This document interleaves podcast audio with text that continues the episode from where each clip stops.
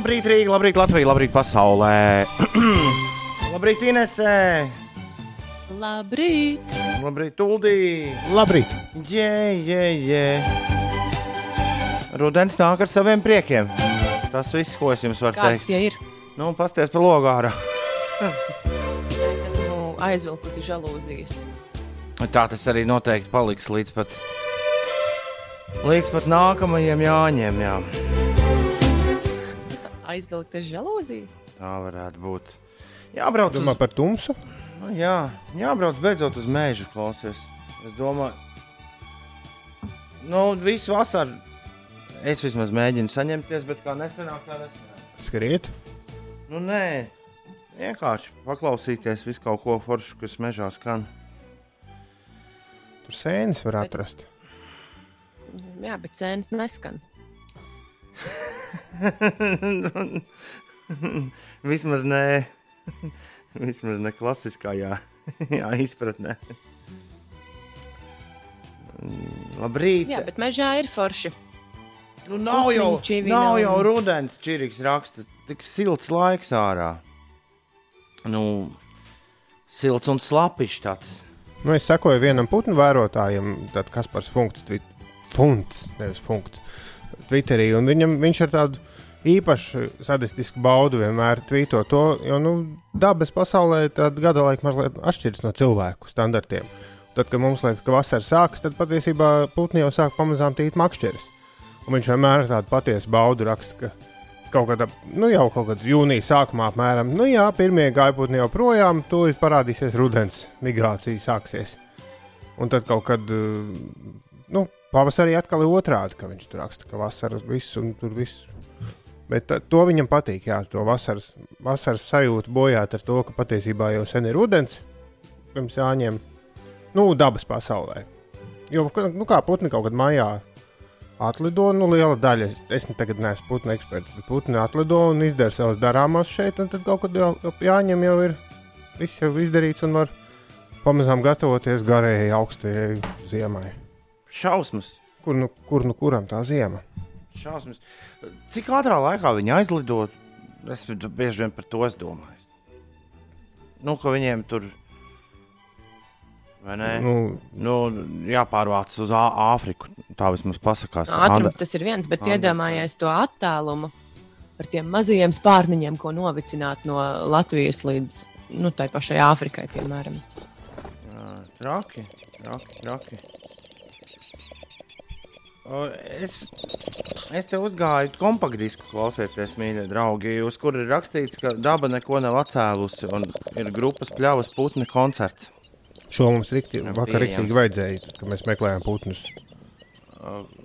Kāpēc? Tu meklēji putnu dziesmas vienu brīdi šausmīgi intensīvi. Ah, pareizi, pareizi, pareizi, pareizi. Mums bija lietus jāatgaiņā no nedēļas nogals. Jā, rekur uz, uzminīties, kas šis te tāds ir, kas dzied. Mm, putniņš.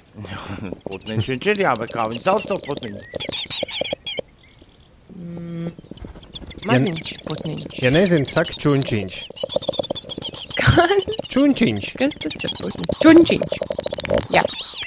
Kā es varēju aizmirst? Tas ir tas Jāatzīst, ka diskā nav baigi daudz iekšā no atpazīstamu putnu. Nu, tā, ko, par kuriem uzreiz tur teikt, o, to es zinu. Es domāju, bet tas jau speciāli, lai tu iepazītu jaunas Es skaņas. šito arī nezinu. Tikuts šitas te, kas tas skan. Čikuts. Nu, jā. ļoti Tas- tuvi, tas- tas tuvi di- bija. Tas DJs, kas spēlēja karantīnas disenis. O, Skaļš čikuts. nē, nē. Šis nākamais ir. Šis būtu labs modinātājs. Ui, Ļoti spauks. ui, ui, ui, ui, ui, Nu. ui. Pļāvas tilbīte. Dzeltenā cielā, Ulu. Nepareizi. Cielāvā. Jā, labi, es neskatos, ko man uzlika. Šis tā kā datorspēlēs, kur šaudās.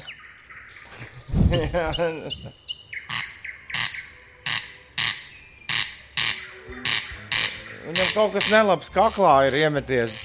Viņš tā uzvedas. Es sajūtu, ka tas ir iestrēdzis kaut kas. Es sajūtu, ka tas ir krauklīts, kurš ir apēdis čiekuru, un tagad tas čiekurs viņam nenāk ārā, un tāpēc viņš izdod šādu skaņu. Tā ir grieze. Tā ir grieze, jā. Oh. Tā ir grieze. Jāatzīst, ka man alerģija ir Kāpēc es teicu, ka uz meža jābrauc? Man alaži ir interesējusi tieši šī putnu balsu ierakstīšanas lieta. Nu, ka tu ar mikrofonu lielu pārvietojies, pārvietojies pa mežu un mēģini ierakstīt to, kas tur, kas tur skan. Bet uh, interesanti, kā viņi dabū šeit divas minūtes griezi ir ierakstīta. Un neizklausās kaut kas baigi montēts. Kā tu noķer to brīdi, kad aiziet koncerts un tu stāvi un jēj?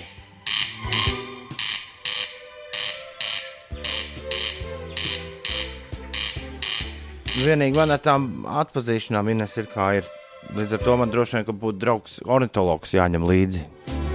Un divi tā jāiet klausīt. Kā jau mums visiem parastajiem cilvēkiem. Man ierakstīt dziesmas, jā. Nu labi, vēl dažas.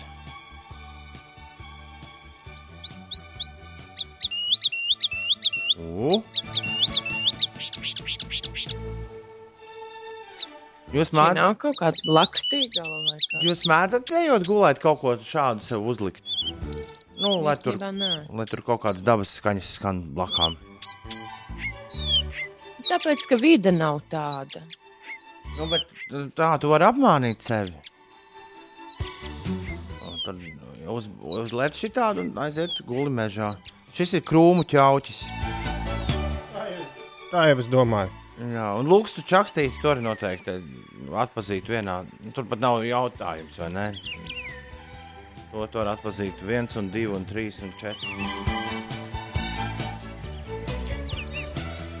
Es mēģinu atrast, es ierakstīju divas griezes stereo, bet tur man vajag stereo vadu, lai. Ah, stereo tāpat rādījā neaizies. Kāpēc stereo neaizies radio? Ja es no telefona laidīšu, FM stereo? jā, bet es no telefona laidīšu, tur kaut kādā brīdī viņš neapēdīs to. Nē, kāpēc lai viņš to atpēst? Vienīgi var gadīties, ka dažs labs sēž pie monorādioaparāta, pats to nemaz nezinot. Nu, tur radio pulksteņos un vēl vis kaut kur, un tad tur tas viss. Viss satiekas kopā. Labi, vienmēr sakot, ja jums, ja jums vajag putnus, tad uh, Latvijas, Latvijas dabas fonds ir uh, publiskojis grupas pļavas putni koncertu visos straumēšanas servisos, kur vien jūs to varat iedomāties. Un tur jūs pie šī varat tikt. Man liekas, ka tas galvenais kodvārds, kas ir jāmeklē, ir pļavas putni. Un, uh, jā, nu, forši, ka kaut kur kaut kas nav, at, ka kaut kas nav atcelts. Jā. Es man jāatzīst, ka es redzēju šo reklāmu uz ielas un gandrīz ieskrēju aizmugurē priekšā braucošajai mašīnai. Tas, ka pirmo reizi redzēju. Tāpēc, ka bija ļoti interesants tas uh, uzsaukums. Daba, Daba nekas, nav daba Jā. nav atcēlusi neko, un tur bija kaut kāda kukaiņa balva. Es domāju, vai tas ir pa dabas koncerta zāli. Tad nevajag lasīt afišas, braucot pie stūres. Nē, viss, viss bija labi. un Bet nobre- uzsaukums ir ļoti īstenībā dziļdomīgs, man liekas. Bet es esmu droši vien vienīgais, kurš ar leģendārās Woodstockas eh, dažiem leģendāriem plakātiņiem redz līdzību šajā, Jā, tu esi vienīgais. šajā reklāmā un noformējumā. Bet ir, nu, tur ir šis tas eh, kopā velkams. un tas ir Tā kā slikti. malači, nē, nē, labi. Es tikai saku, nu, man, ar, man pirmajā brīdī, kad es to ieraudzīju, likās, oh, beidzot būs festivāls kāds. Normāli uzspēlēs grupas. Jā, Klau, mēs dzirdējām mērkaziņu. Mērkaziņu? Jā. Kāpēc Mums jādzird mērkaziņu. Nu, Man šķiet, nosaukumu ziņā šis putns ir no visiem ierakstītajiem. Izklausās kā suns zem ūdens. Tu esi dzirdējis, un zem ūdens. Nu, labi, tagad tur aizgāju. Nu, Tas pats sākums paklausies. Suns zem ūdens. Čirikam laukos griezi ar gadiem katru vasaras vakaru stundām griež. Kā viņas dara, iegriež likteni. Tā, nu es varu uzlikt griezi bez, bez, bez, bez vadiņa. Vienkārši tā. Savu griezi. Tagad mēs noņemam mm, disku nost un Uldis, Uldis spēlēs savu griezu. Ja tu bez vadiņa spēlē, tad gan tas ir mono. Nu, jā. Tā ir viena. Cik, cik ilgi tu viņu rakstīji? 16 sekundes esmu ierakstījis, bet tad vi- viena apklusa un man apnika rakstīt, jo otra turpināja vēl ilgi, ilgi. Jā, būtu to ar profesionālo mikrofonu tur bijis. Tad tik būtu jauki. Jā, tā tad dabā nekas nav atsaucies. Es ļoti gaidīšu meža, meža putnu ierakstus. Tev nepietrūkst televīzijas tornis webkamerā ULDI no rītiem, tad, kad tu esi šeit radio. Mm, Šorīt Zaķisāls TV tornim redzamas esot tikai kājas, Jānis raksta. Pārējais viss ir miglā, bet laukās silts. Tā ir, jā. Nauris raksta sveiciens Montai un Andai ceļā uz Madonu, lai mierīgs brauciens un prātīgi ar meža dzīvniekiem ceļā. Un runājot par laika apstākļiem. Līvs raksta, Tom nebūs drāmu. Aiz loga ir lovely Scottish weather. Ja tikai tajā Latvijas Scottish weather drāmķīgi ir piecelties. Nu tā un uzreiz sākt ar karatē nodarboties. Visdažādākajos veidos. Tā ir. Nu, tev jau vajadzēja būt pieradušam. Cik gadus tomēr jau tā dara? Of, of, of. Uf. Pie šī pierast, man liekas, nav iespējams. Es gribētu redzēt to cilvēku, kurš ir pieradis. man patīk tas, ka, nu, ka ir vienmēr ir kaut kāds ārējs apstākļus pie vainas. Nu, jā, jā, jā, jā, jā, jā nu, bet, nu, bet, protams, Vai protams, tā ir gaisma, vai tā ir tumsa? protams nu, bet ne jau pats vainīgs. Džulis ir 24 stundas nomočījis. Ap, apsveicam, Džuli, bet tagad gan vajadzētu bišķi pagulēt. Savādāk, savādāk tavs prāts spēlēs, izspēlēs dažādus trikus. Un diez vai tu gribi redzēt, kas vēl pēc kādām sešām stundām tajos trikos tur iekšā ir, ir paslēpts. Kāds dziedāja dziesmā, quit playing games with my prāt. Labs rīts, aiz borta plus 11 saulīti, maza spālu mākonīši. Tāds, tāds šobrīd laiciņš ceļā uz Stokholmu, lai izdevusies diena, raksta Ulģa. Ulģis kuģi mūs ir ieslēdzis. Oh, Jēj, forši! Ulģa esot uz ceļa E E4. e. Ir pusseptiņu rītā.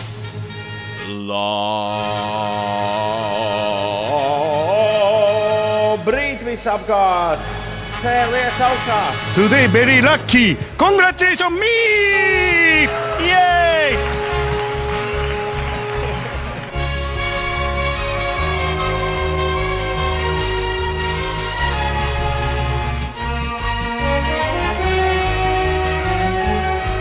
Nokrišņu zona. Visu nakti šķērsoja Latvijas teritoriju un atstājusi tādas pamanāmas pēdas. Un Šodien saule mīsies ar mākoņiem, vietām uzlīs rietumu vēju brāzmās, pastiprināsies līdz 10-15 metriem sekundē, un temperatūra ir gaidām plus 19, plus 24 grādi. Un ticiet vai nē, bet šī diena būs silta un saulaina, bez lieliem nokrišņiem. Ko gan nevar teikt nekādā veidā par rītdienu un parītdienu. Jo izskatās, ka mums te ir īpaši piekdiena, uzrīkos uh, grēku plūdus, daba. Un cik nu es te skatos, un prognozē. Un Tur tas ir sestdienas vēdiens, labs laiciņš. Es runāju par galvaspilsētu, bet tā kā galvaspilsēta ir pašā, mums redz, ir novērsies, ka mēs neesam kaut kādā nostūrī nu, mūsu geogrāfijā. Mūsu galvaspilsēta patiešām ir uh, tā, kā šķiet, ka galvaspilsētā jābūt pašā valsts vidū. Nu, un tad uh, līdz ar to kāds laiks galvaspilsētā tāds apmēram arī citur. Nu, Jā, mēs neesam Slovākija. Zinu, kur Slovākija ir galvaspilsēta? Bratislava. Jā, Nē, nezinu. nu, zem, nu, Latvijā tas būtu zem liepājas apmēram. Mazliet. Nu, Helsinkiem jau ar Helsinkiem un Somiju tu tur nu, vispār sanāk. Nu, Daugopilī. Nu, jā, mēs, viņiem... ja mēs tā skat, kā skatāmies. Nē, bet Daugopilī, bet tad, ja Latvija pagrieztu stāvus, un tad, tad apakšā, vai ne? Nu, kaut kā tā. Jā, redz, tomēr tās galvaspilsētas daudz kur ir uzradušās un iedibinātas dēļ tā, ka Pašas no sevis? Nē, tā kā ūdens blakām. Nu, ostas. Jā, liels. ostas. Ne jau kāds sēdēja baigi un domāja, kas no mums būs galvaspilsēta. Galvaspilsēta bija tā, kur arī Nu, kā notika tur, kur galvenā andēle. visvairāk- Un Galvenā andēle, kur jā. bija. Mums tādā ziņā ļoti nu, tā Andela centrā bijusi. Jā, nu, loģiski. Nu, tad, kad bija tur mm, kurš un, un, un tur Livonija, tad, tad, tad gan bija bijis novirzīts no centra, bet tad kaut kā viss sakārtojās pagājušajā gadsimtā. Jā, Vēnspils, Vēnspils vai nebija milzu osta arī? Padomu gados. Nē, es domāju, nu kā, nu, Jākabu hercogu laikos, ne? Laikam nē, jāskatoties uz ulu. Es, es tu, tu man pārsteidz nesagatavot. Es nezinu, kur bija Hercogs Jākaba lielākā osta. Šis ir labs.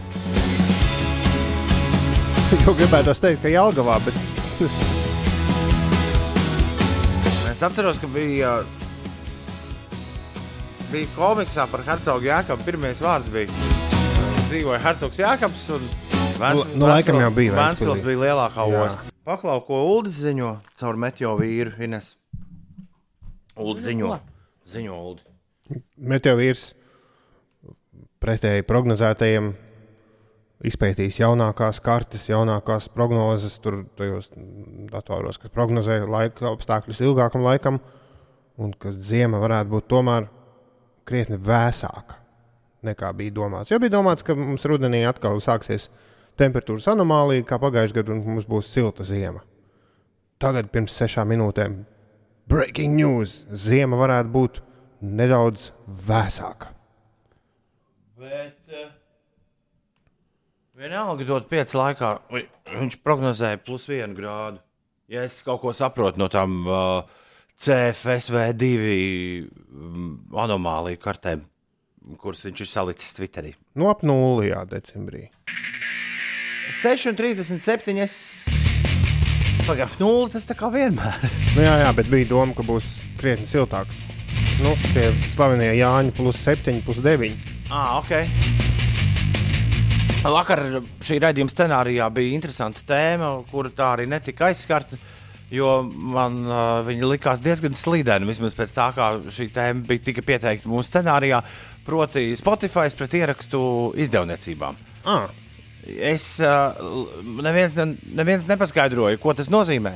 Tāpēc ir pienācis laiks to paskaidrot un, un šo arī iztirzāt. Es nezinu, kāpēc šodien iz, šī tēma pazuda no scenārija. tāpēc, ka nav akadēmiskas tēmas. Tā, Ī, Tagad, tagad bet, ir. Jā. Bet tu biji diezgan sapīts pulksten 9 no rīta, ka mēs šo nebijām izrunājuši. Man vismaz bija tāda sajūta. Nē, es nebiju. Tā, tā tad, ko, ko tev ir ierakstu kompānijas un ko tev Spotify ir nodarījuši?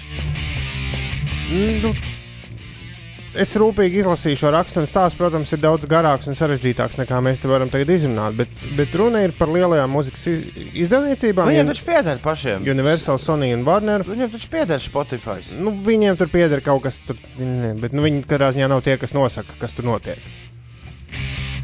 Nu, labi, lai, tā- lai tā būtu. Nu, viņi tur kopā ņems. Nu, nu acīm redzot.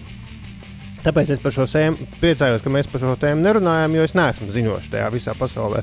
Man šajā ra- garajā rakstā, ko es varu pārsūtīt un var kāds pētīt, ja vēlas, piesaistīja viena lieta, ka visu laiku uzpeld domas, un esot pat Zviedrijā jau bijis tik tuvu, ka gan arī stūlīt mēģinās, uzpeld plāni par to, ka tiem, kas lieto bezmaksas Spotify, Jā, tiem apgriezīs mūzikas daudzumu. Nu, teiksim, tu vari dabūt vienu beigtu albumu vai, un, vai pa, pa dažām dziesmām no katra, un tad tie, kas maksās, dabūs visu. Tātad padarīt šo te bezmaksas, less enjoyable experience.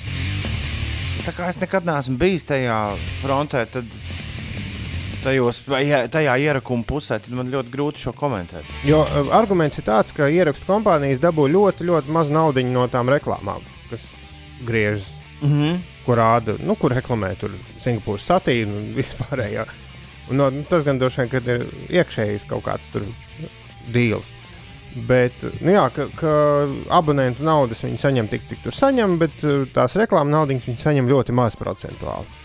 Un līdz ar to nu, droši vien ir kašķis, ka ierakstu kompānijas vēlas, lai mūziķi saņemtu vairāk no šīm reklāmām, vai arī reklāmas skatošie, kuriem jau tā ir diezgan sabojāta tā pieredze, jo mēs visi esam sēdējuši kafejnīcās, kur skan bezmaksas.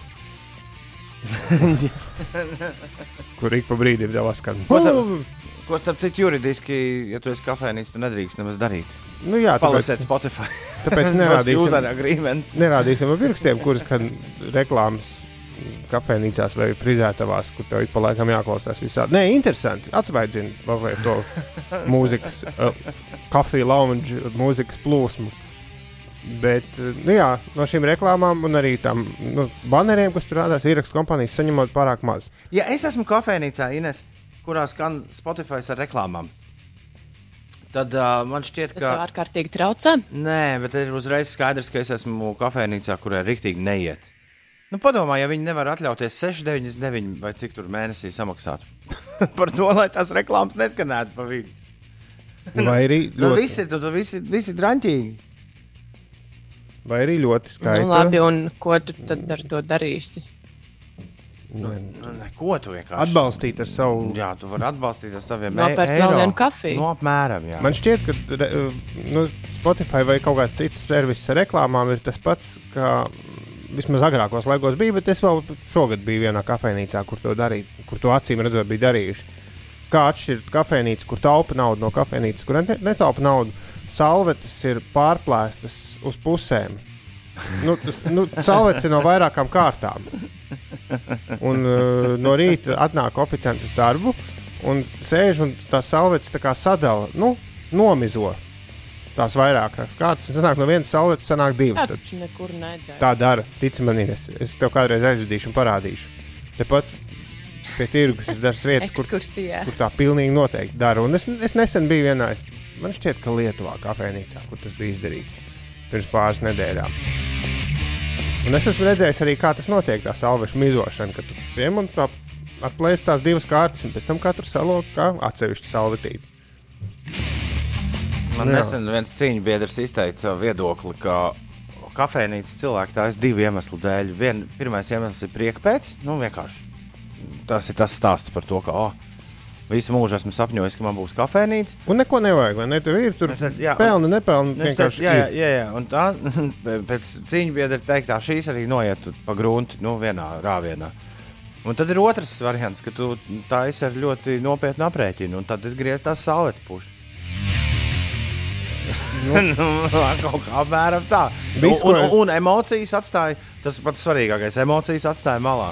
Viss, ko es esmu iemācījies no šiem te, apmēram 20 cik gadiem spēlējot balīdzes dažādiem privātiem pasūtītājiem.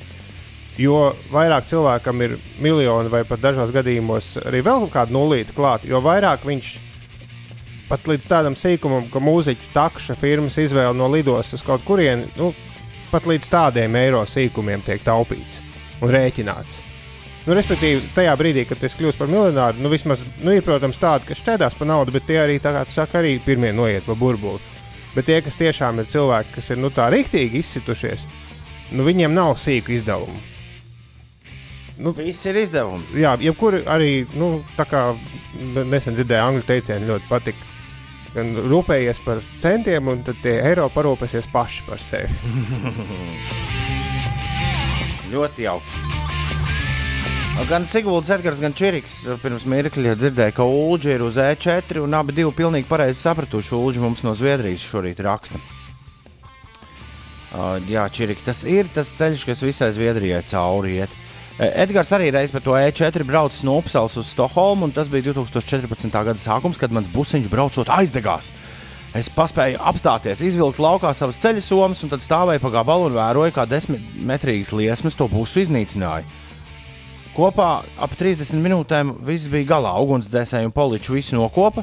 Ar taksi paspēju uz savu prāmu, tādējādi, kā teikt, pepīgi garzeķi. Principā nekāda nelaime nenotika.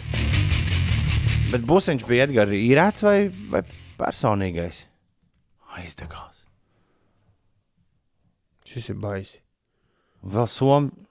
Edgars, tu man liekas, darīja tieši to, ko māca visos, visās mācībās, ka nevajag darīt. Gāja vēl kaut ko raut ārā. Bet, ja viņš bija mašīnā viens pats un ja saprata, ka viņš var paspēt izglābt vismaz savas manas, vispār nevajadzēja būt ugunsdzēsmajam aparātam, varbūt tur varēja kaut ko glābt. Tie mašīnu ugunsdzēsmie aparāti bieži vien ir tādi, ka nu, desmitmetrīgas lie- liesmas gan neapdzēsīs. Viņš ir tāds pš, Mm, Bet viņas jau neuzrodās pašā sākumā. tas gan. Bet, ej, nu, tu zini, kur tu grūst zemes, nu, kā tu zemdedzi. Elvēns raksta, ka Spotify dodot studentiem 50% atlaidi uz gadu. Tev, Ines, atkal jāiestājas kādā augstskolā. Tad Kāpēc man ir Spotify? Kādu man vajag? Ines par tiem centiem un eiro atcerēs. Uh, labrīt, lieliskais radio 5 raksta Normons. Sveicieni visiem jums un sveicieni manam brālēnam Vidmantam un arī onkulim Vidmantam vārda dienā. Lai lieliska diena! Brīnišķīgi! Lai tiešām lieliska diena visiem! Ir 6,46 minūtes. Ines, pastāsti, kas notiek? Jā, vakar es uh, iesāku skatīties Nacionālās uh, hokeja līgas pirmo pārbaudas spēli, gaidot sezonas atsākšanos. Tiesa, es nenoskatījos spēli visu, bet Teodora pārstāvētā Kā skatījuma? Pitsburgas Penguins papildu laikā ar 2 pret 3 piekāpās Filadelfijas Flyers spēlētājiem. Bļūgers laukumā pavadīja gandrīz 14 minūtes, un jā, šī bija pirmā NHL komandu spēle gandrīz 5 mēnešu laikā. Un, jā, kā jau tu tom gribēji uzzināt, tad spēle bija bez. Nē, nu jā, bet kāda bija arī. sajūta skatīties hokeju bez skatītājiem? Dievs, tu man atļausi vienkārši pastāstīt. Jā, tu. Pēc tam.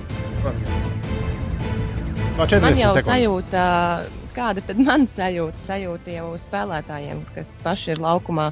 35 un, ā, sekundes. Spēlē, spēli bez skatītājiem. Bez tam viņi spēlē arī, nu, tā teikt, bez savas ģimenes klātesoša atbalsta, jo viņi visi ir ieradušies um, Edmontonā un Toronto, un viņi ir nošķirti no savām ģimenēm uz šo spēļu laiku. Viņi paši starplaikos stāstīja par to, ka par to, ka, jā, ja kādreiz uz spēlēm ņēma savu ģimeni līdzi, tad šobrīd viņus var tā tikai pa gabalu redzēt vai sazvanīties ar viņiem.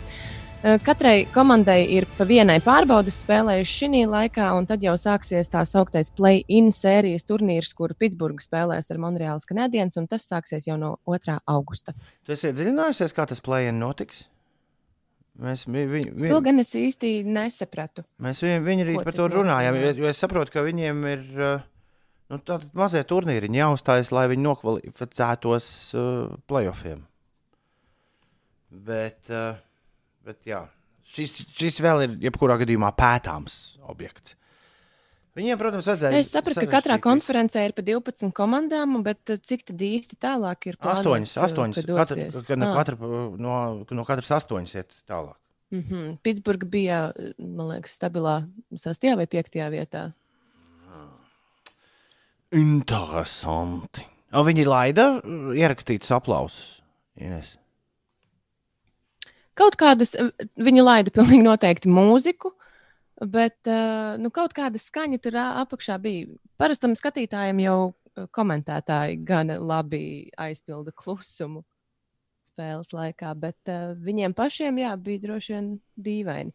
Arī tribīnes, uh, visas sēdvietas bija aizklātas ar, uh, nezinu, ar ko, ar kaut kādiem baneriem. Un, un tā viņi tur vieni paši pa to laukumu dzīvojās. Tāds tagad būs sports. Nu, Bet- tur man Cerams, ka tikai kādu laiciņu, ne jau visu laiku. nu, prognozīt nav baigi.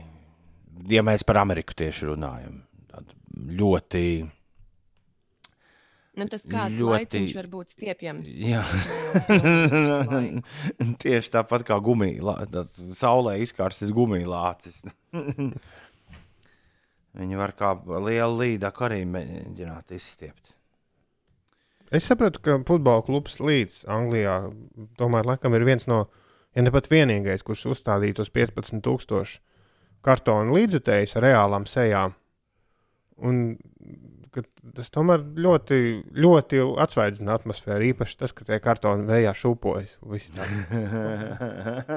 tā kā klanās tiem spēlētājiem. Un tad tur cilvēki meklē savas bildes un, ko, un publicē sociālos tīklos. Nu, tomēr labāk nekā tukšas tribīnes. Es brīnos, ka viņi ar CGI taču varēja mēģināt arī uztaisīt. Nu, it īpaši tādā futbolā, jo viņi jau ir palaiduši ļaudīm nu, visus tos trokšņus, kas notiek futbolā, tur kā fani dzied. Tad varēja taču arī nu, salikt zaļus, zaļus ekrānus un tur laist ierakstītu pūli. Bet cik tas prasītu resursu? Nu, tā jau ir. Jā, Nevar, gan jau pieradījis pie tādas zināt. tukšas, pie Tukšā sporta. tribīnēm. Vai vajag pierast? Tas ir labs jautājums. Būt, Un Es domāju, Vai vai nebūtu? vajag tā teikt, mānīt sevi ar tur zaļiem ekrāniem un it kā kaut kādiem cilvēkiem tribīnēs. Nu, nav viņi tur. Ah, pilnīgi gribas dzinieku vārdiem prasīt.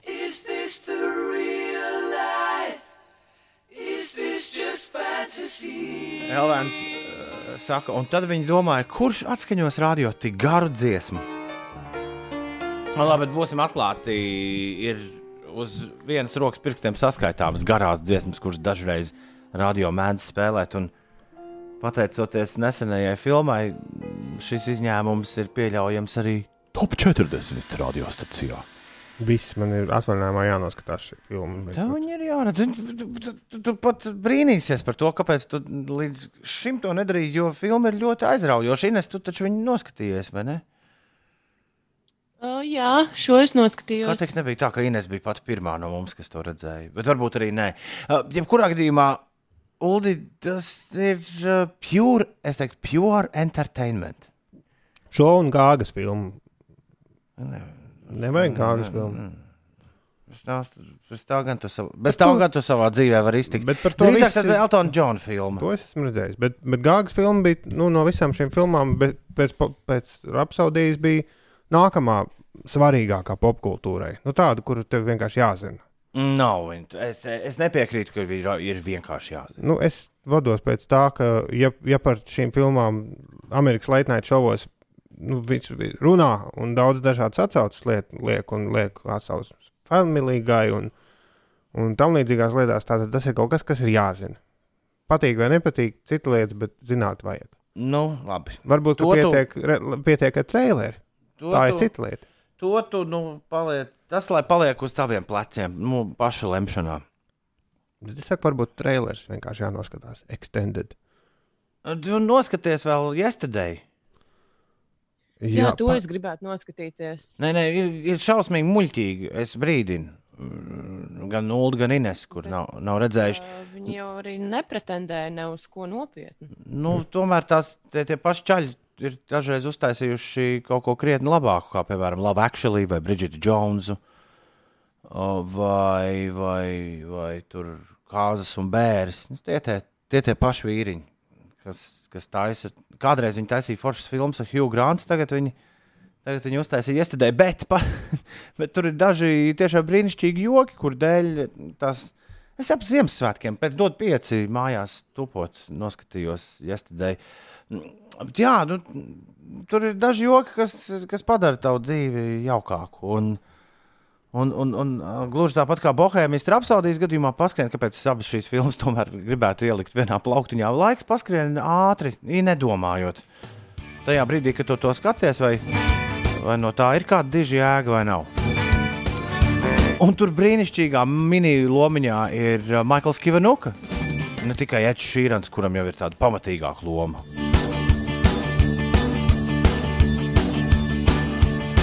Tā kā to pieķer klāt. Un vēl tev atvaļinājumā džārmuši, taču to, to paz- par uh, zombijiem nes redzējis. Nē. Nē, par tiem miroņiem, kas kāpj Nē. no kapiem ārā. Jā. Tās tev vēl jāpieķer klāt. Parazīti tu noskatījies. Tas tev bija. Jā. Uh, Greenbook, tu esi redzējis iepriekšējo Oskaru Nē. laureātu. To, to, to noskaties. Tas uh, šī brīža notikumu gaismā, kas Amerikā nesen notika, ļoti, ļoti skatāms gabals. Kas nav redzējis rapsodiju, nav dzīvi redzējis, raksta Kanigo ģirts. Gluži tā neteiktu. Cēlies augšā. Tu, tu, tu, tu, tu, Cēlies augšā. Tu, tu, Tu, tu, tu. tu, tu cēlies augšā. Tu, tu, tu, tu. Labrīt, piecīši no liepājas klausa raksta. Šodien brīvdiena, bet vakar es pēc darba nobraucu 17 km ar velosipēdu. Brīdī, kad ārā bija plus 27 grādi. Vakarā mazliet uzlīja, arī bija forša sajūta. Man liekas, es to lietu nemaz nesagaidīju. Nu, Jā. tad, kad mēs gājām gulēt, tad, tad vēl slapjums nebija parādījies. Un joprojām nav sajūta, ka viņš būtu ir vienkārši tāds miglaini, pelēcīgs. Ko nopietni pie manis tikko kārtīgi nolīja. Bet mēs to nepamanām. Varbūt var, var, var jau gadīties, ka, var jau gadīties, ka doma laukums palika neskarts. Zini, kā te visādas antenas un, un, un kas tik ne. Uh, Klau, divas ar kultūru saistītas uh, lietas.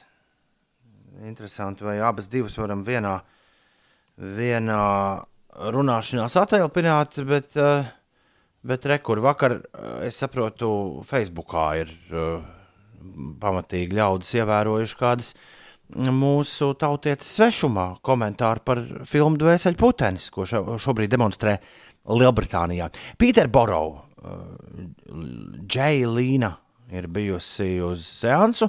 Viņa raksta, noskatījos visu foršu. Man tiešām filma patika. Cepuri no režisoriem un visai filmēšanas komandai. Bet izrādās, filmā nogriezts te 20 minūtes. Tas ir ļoti daudz. Sarunā ar draugu, kas noskatījās Latvijā, izrādījās beigas citādas, sākums citāds. Vēl tur dažādi momenti, kas ir trailerī, ir filmā nav. Nepietiek ar to, ka nos nosaukums jau nomainīts uz The Rifleman. Uh, arī ņemts un apšņikāts. Vai to tā, tad viņi sāka lamāties jau? Nu jā, un tur arī ir spoileri, par ko es jau, nu, neko darīju. Nu. Krist, Kristiāna, kurai ir acīm redzot, nu, sakars ar šo visu. Jā, jo šis screenshots sāk klejot arī Twitterī, un tad, tad tur pieslēdzas arī kino cilvēki. Bet viņi arī sāk taisīt kašķi. Viņi raksta uz Angliju, emigrējis Latvijas gan ir viens nepateicīgs radījums. Desmit mēnešus dīts, lai filmu rāda arī Anglijā, un tad, kad to beidzot izdodas tur dabūt, ņurt par to, ka redz Latvijā čoms redzēja garāku versiju. Un tad tu kā muļķis mēģini skaidrot kino izplatīšanas nozari. Uh, ja vien tu neesi Kristofers Nolans vai Kventins Tarantino, dabūt divu stundu filmu kinoteātros lielākajā daļā pasaules ir diezgan grūti. Vidējais garums klasiskai filmatrāžai ir 90 minūtes. Nu jā, te ir vajadzīgs kāds kinozinātājs. Es šim īsti līdz galam. Es, es gan esmu nepabeigts kinozinātājs, bet es šim līdz galam neticu. Kaut arī mums būtu jāuzdod šis jautājums Sergejam. Bet es varu tikai pateikt, kāpēc es tam līdz galam neticu. Tāpēc, ka uh, var gadīties, ka šis attiecas uz visu, kas nav Holivuda. Bet, nu, uh, Bet to, ka nu, tur var visu kaut ko. Vienu brīdi es biju sašuts par filmu garumu. Uh, nu, tieši tur aizgāju uz kaut kādu. Tad, kad Marvel filmas visi sāk uzņemt uh, apgriezienus, un vienā brīdī es atmetu tam visam roku, jo brīžiem bija sajūta, ka kaut ko, ko varētu ielikt nu, tādā normālā, kompaktā stāstā. Nē, nu, viņi stiepjas un stiepjas un stiepjas. Un, un beigās tu esi divas ar pus stundas nosēdējis ķinītī. Tam gan ir izskaidrojums, mīļie draugi, ļoti daudz kur pasaulē. Uh, Ulds kādreiz izpētīs, vai gadījumā tas nav lielākajā daļā pasaules filmās, ir starp brīži. Tas viss ir par veco labo kukurūzas ceptās pārdošanu. Mēs neesam uh, līdz galam raduši filmas vidū piecelties, iziet ārā un, un, un papildināt krājumus, kurus stāv kopā ar mums kino rindās, vai ne? Bet uh, es esmu vairākās valstīs bijis, kur filmas vidū blankšķi tev viss apstājas, un tu ej un ej un, un, un ēd gardumiņus. Tad, ja filma neiet lielajā, lielajos kinoteātros, un es pieļauju, ka uh, Anglijā tiek rādīta kaut kādā mazā ķēdītē, tad jā, iespējams, ka šis ir arguments. Man gan vairāk gribētos domāt, ka tie distribūtori, kur paņēma filmu rādīt, viņi, viņi noskatījās un teica, klausieties, mēs viņu ņemsim un rādīsim, bet ir jāizdara pāris izmaiņas, draugi mīļie.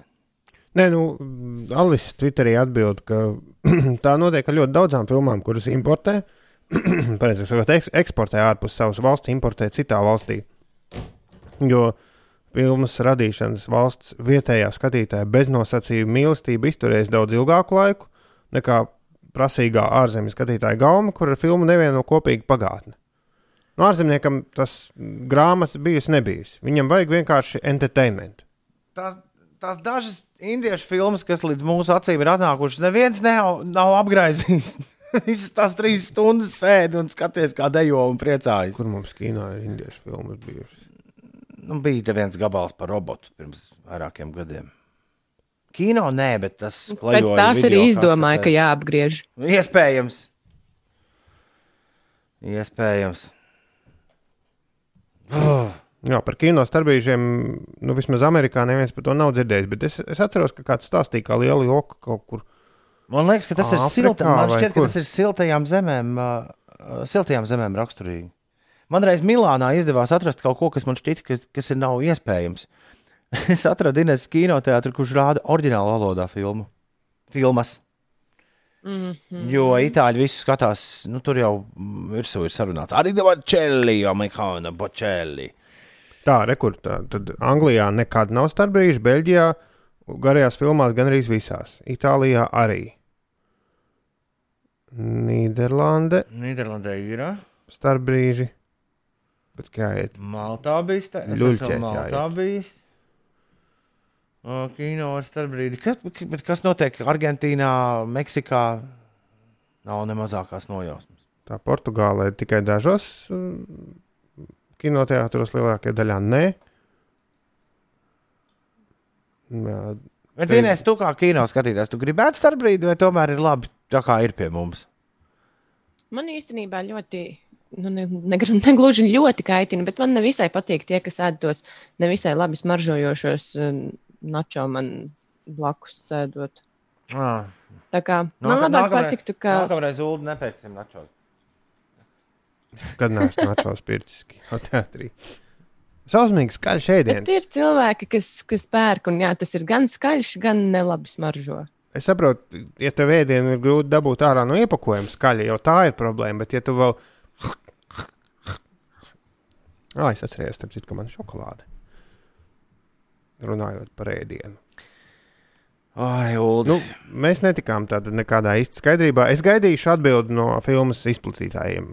Nu, kā tur ir īsti? Varbūt kā atklāja mums kaut kādu noslēpumu no, no kino aizkulisēm. Ir 13 pār 7. Labrīt! Laiks celties augšā. Nemācīšu jums pateikt precīzi, vai būs konkrēti lēmumi, bet par to, eh, kā un uz kurien mēs ejam, tad gan. Un tad jau droši vien viskonkrētākie lēmumi, es domāju, šis ir arī viens no tiem, kurā eh, spriedīs par to, kādas lēmumus pieņemt. Gaidām ar nepacietību lēmumus. Cerams, ka tādi, tādi tiks visai drīz pielēmti. Kaut kad drīz nav jāsanāk atkal atbildīgiem cilvēkiem pārskatīt ierobežojumu kopā, ja viņi tagad kādu laiciņu to nedarīs. Pagaidām, vakar kaut ko, kaut ko lēma. Jo, nu, nu, jā, es saprotu, jāspiež šis, bet, Mieru, tikai mieru. bet uh, nav sajūta, ka šobrīd kaut kas rīktīgi traki notiktu. Ir sajūta, ka kaut kas tik traki nenotiek. Tas drīzāk. Edmunds, Edžus un Vidmans šodien svin vārda dienas ir 29. jūlijas. Sveiciens Edmundam, sveiciens Edžum, sveiciens Vidmantam. Mūsu radio kolēģi Mudita Paeglis svin dzimšanas dienu. Daudz laimes viņai un daudz laimes trīs ļaudīm, kurus es nepazīstu. Mm, Vienmēr pavārēji dziedātājai, Ralfam Vīlandam no sabiedrisko attiecību nozares un Ivitai Goldmanai. Paldies par sakariem, tā. Tas no manas sveiciena. Imantam Lānsmanim šodien ir dzimšanas diena. Nu, sakām, viņš domāja Rundāls pils. Vēl dzimšanas diena ir daudzām slavenām ārzem, ārvalstu personām, kuras mums nav scenārijā šobrīd vēl ieliktas. Cik skaisti! Džošs Rednors viņa dzimšanas diena. Tas ir tas čalis, kurš nevarēja nekādu bērniem izstāstīt, kā viņš apprecējis, nu, kā viņš ticis pie to bērnu mammas. Sezonā ilgi stāst un stāst, stāst. Un, un, Ah! nu, no galvenās lomas atveidotājas no How I Met Your Mother. Jā, viņa vārds uzvārds nav kaut kā iesakņojies. Jā, un viņš tik, tas stāstījums bija tik garš, ka es reiz redzēju beigas, bet es neatceros, ar ko tas viss beidzās. Man liekas, tās, tas ir tāds labs TV sāgas. Nu, tur beigās kāds tur sagāja kopā ar kaut ko. Bet tas ir labs. Uh, nu, labas TV sāgas, sāgas noslēpums. Tad, kad viņi beidzas, tu apsēdies pie televizora un domā, pagaidi, kas tur notika sākumā? Kas, kas tas bija?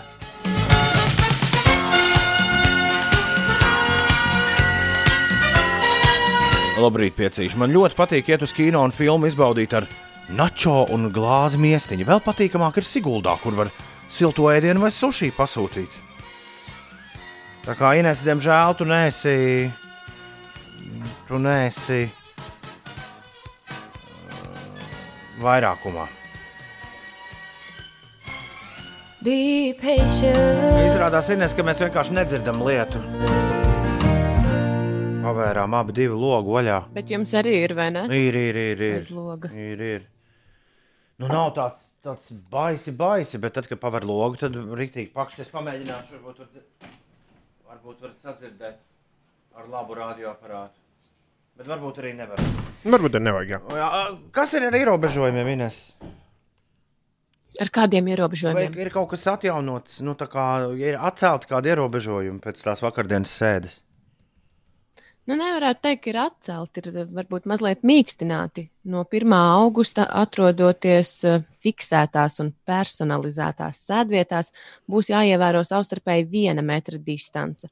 Un, eh, jā, cilvēki drīkstēs eh, sēdēt nu, viens otram blakus, divi cilvēki, kas nav mm. vienas maisaimniecības eh, pārstāvji, bet uh, drīkstēs arī vienas maisaimniecības locekļi sēdēt ne vairāk kā četru personu grupiņā.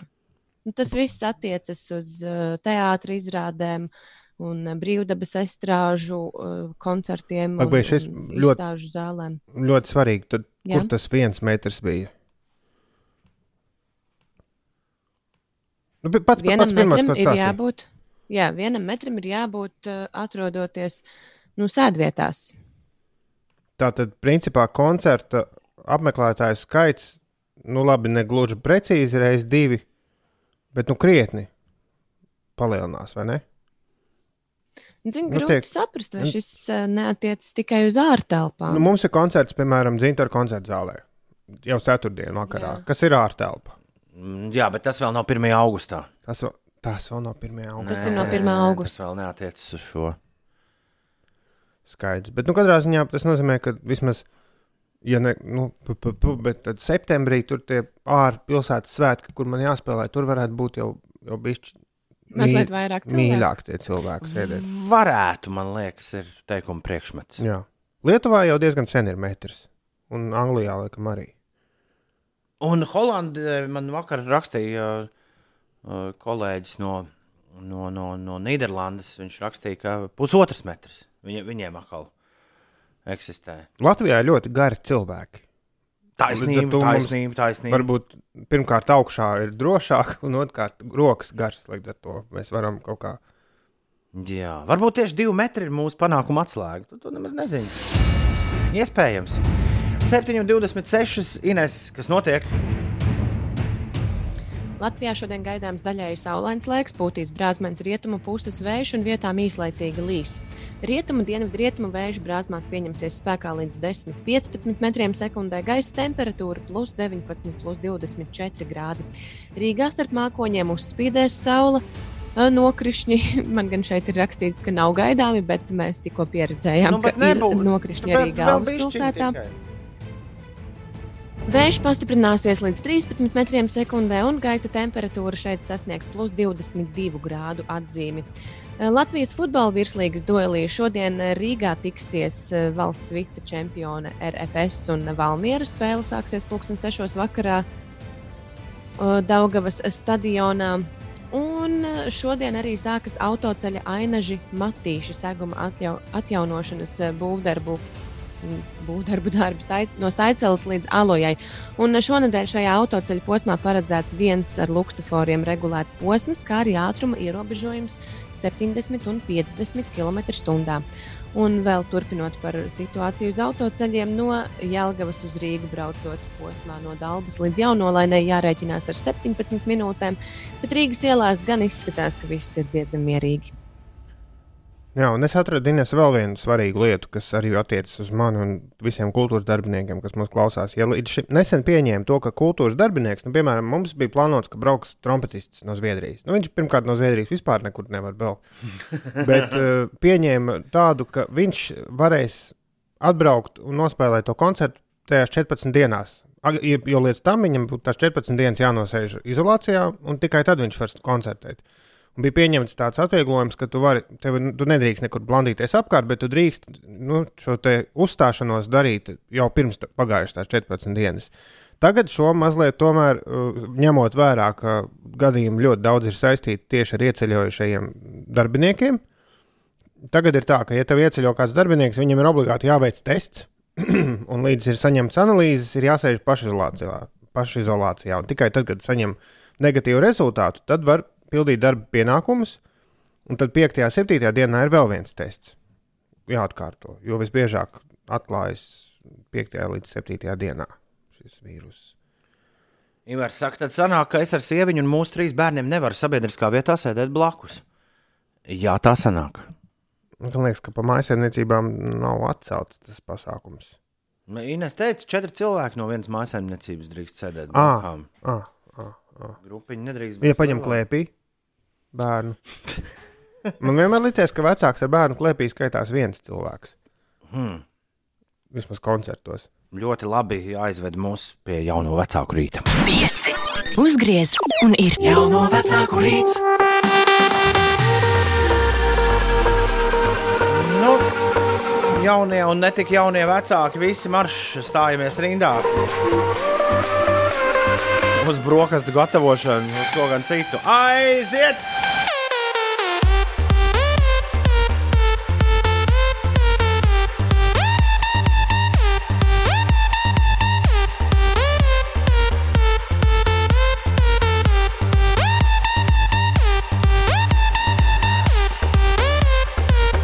Šis ir jāsamiksē ar Baby Shark kopā.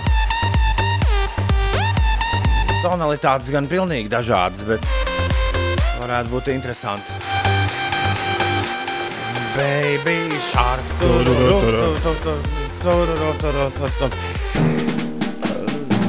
Biju ar bērniem Siguldā. Skatāmies, Biju bērnam Siguldā, skatāmies, ska, skatāmies uz laika prognozi. Nu, it kā līst, vai gribas uz Siguldu? Tā no pagājušā sestdiena uznāca tāds.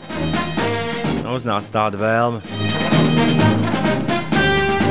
Nu, un izkāpām Siguldā ārā tieši tajā brīdī, kad visvairāk, un es pēc tam vēl tā. Es nu- nosacīju, ka ar lē- lēto taksi aizbraukt visiem uz Siguldu ir div- maksā 20 eiro. Tā bija pirmā lieta, kas man šķita ir rīktīgi. Jē, jē, jē.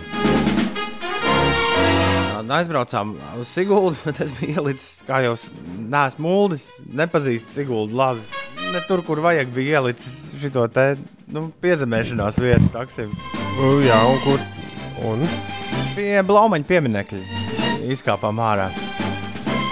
Nu, Turpat jau ir. Nu, jā, ne, es, es, Tas biju, es biju domājis nu, to laukumu, kur ir panorāmas rats un tālruņa māja. Bija doma, ka tur varētu tā kā nu, nonākt. Jā, īsi atkal Blaumaņa piemineklis. Blaumaņa piemineklis es gāju garām katru dienu, ejot uz skolu. Viņu uzbūvēja viņam tā kā pagala ūsu vietā.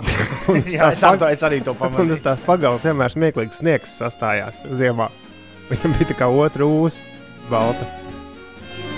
Pamatīgi, pamatīgi salijām, jo tieši tajā brīdī, kad izkāpām, sākās baigais Armagedons, kas nāca, nāca lejā.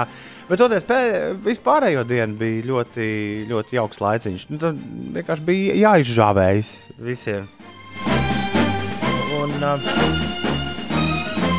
trakums ar to, ar to attrakciju parku, kas ir uztaisīts. Mums nevienā mirklī nebija prātā doma, un mēs to arī nerealizējām. Uh, nu, jā, palika bērni bez attrakcijām, apskatījām tauriņus, tad uh, rīktīgi nokāpām tā senlēja skaitās. Ja? Jūs nogājāt pa to serpentīnu jauno. Uh, Nu, no pie panorāmas rata tur tāds smags ceļš. Nevis trepītis, bet pa ceļu. ah, nē, mēs pat repītēm nogājām. Ah, Bija ceļš jāizmēģina. nu, citreiz. Nē, nē, labi, labi nē, klausies. Tiklīdz ieraudzīja bērnu attrakciju parku, nu viss, jā, nākamreiz tika nosolīts, ka jau visai drīz dosimies uz attrakciju parku. Un viena doma to bija pat darīt, nu, nu tā, lai ar domu, ka mazāk cilvēku brauktu darba dienā. Un kādā bija doma to darīt bez mazliet jau šonadēļ, bet, bet visu laiku joprojām jāpēta tie laika apstākļi. Un Ko mums te sola un ko mums te nesola. Pēc tam, Ulu, pats, pats jaukākais mūsu piedzīvojums bija, mēs atradām, uh, izgājām cauri tur lejā visam attrakciju parkam un atradām uh, kartē iezīmētu taku, pa kuru savukārt devāmies atpakaļ. Un tas gan bija jauks piedzīvojums. Tur bija tāds strautiņš un klintis. Un, un ārā, ārā bija karsts, un tāpēc arī bija diez, diezgan atsvaidzinoši staigāt. Staigāt pa tādām takām. Tā kā, tā kā ļoti forši pavadīta diena. Un uh, pēc tam ar vilcienu es secināju, ka līdz mājām man nav jābrauc līdz Rīgas stacijai. Sanāk tikai 40 minūtes, ko braukt. Un, ja, un tas vēl ir lēnais vilciens. Jā, Nē, tas ir tas ātrais. es nezinu. nav, nav ne jausmas. Kurā gadījumā? Divas lietas, kuras es novēroju. Man šobrīd ir četrgadniekam uznācis ļoti interesants tāds dzīves periods. Viņam uznāk ā, garstāvokļa maiņas, krāsas, un tu neko nevari darīt. Visam ir jānotiek pretēji nu, normālajai lietai. Ja mēs ejam ārā no veikala, tad viņam vajag iet iekšā veikalā. Ja ir, ā, ja ir nopirkta zaļā konča, tad tā nekam nedara, jo vajadzēja zilo konču un, un tā tālāk. Un tas, ko šobrīd es mācos, ir visu laiku atcerēties, ka vienīgā iespēja, kā vispār situāciju vērst uz labu, ir, ir vienkārši nomainīt tematu un pamēģināt uzmanību novērst citā virzienā. Un to dažkārt ir tik grūti izdarīt. Jā, mums bija, man liekas, kādas divas, divas scēnas visās Siguldas braucienā. Otrajā reizē kāds vīrs Grēviņa kundzei pamācīja, atpakaļ ceļā braucot ar vilcienu. Viņš prasīja, vai tas kundze ir jūsu dēls? Jūs iemāciet, lūdzu, viņam uzvesties. Bet uh, vajag pajautāt, kā. Mums jau bija saruna par nelūgtiem padomiem. Jā. Nē, bet pa- padoms nu, iemācīt uzvesties ir labs padoms. Tad, tad lai izstāsta arī uzreiz, kā.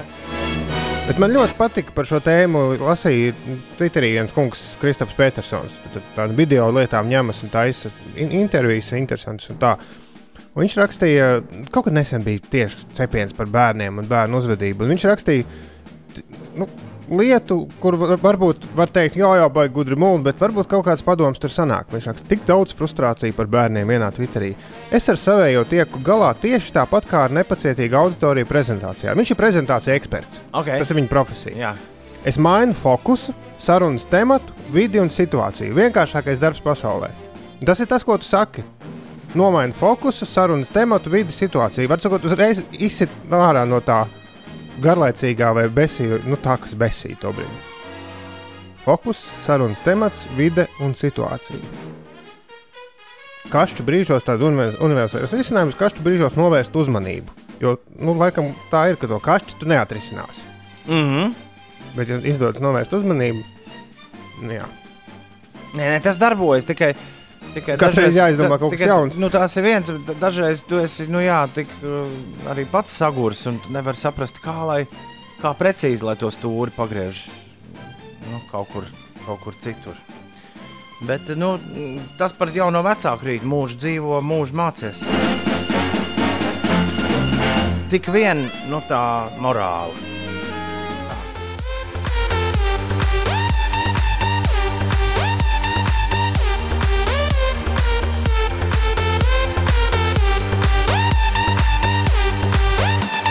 Kur Siguldā ir jāiet pa to jaunu? Tur tagad, tagad iet funikulēra virzienā.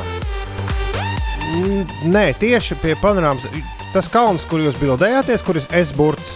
Jā, Un, nu, pie tā kalna, starp to kalnu un panorāmas ratu, tur, tur burtiski 100 metru gabaliņš ir. Un tajā tur ir uzbūvēts tāds serpentīns, lai jāsmūgs ak, tā tā. ar skatu vietu pa vidu.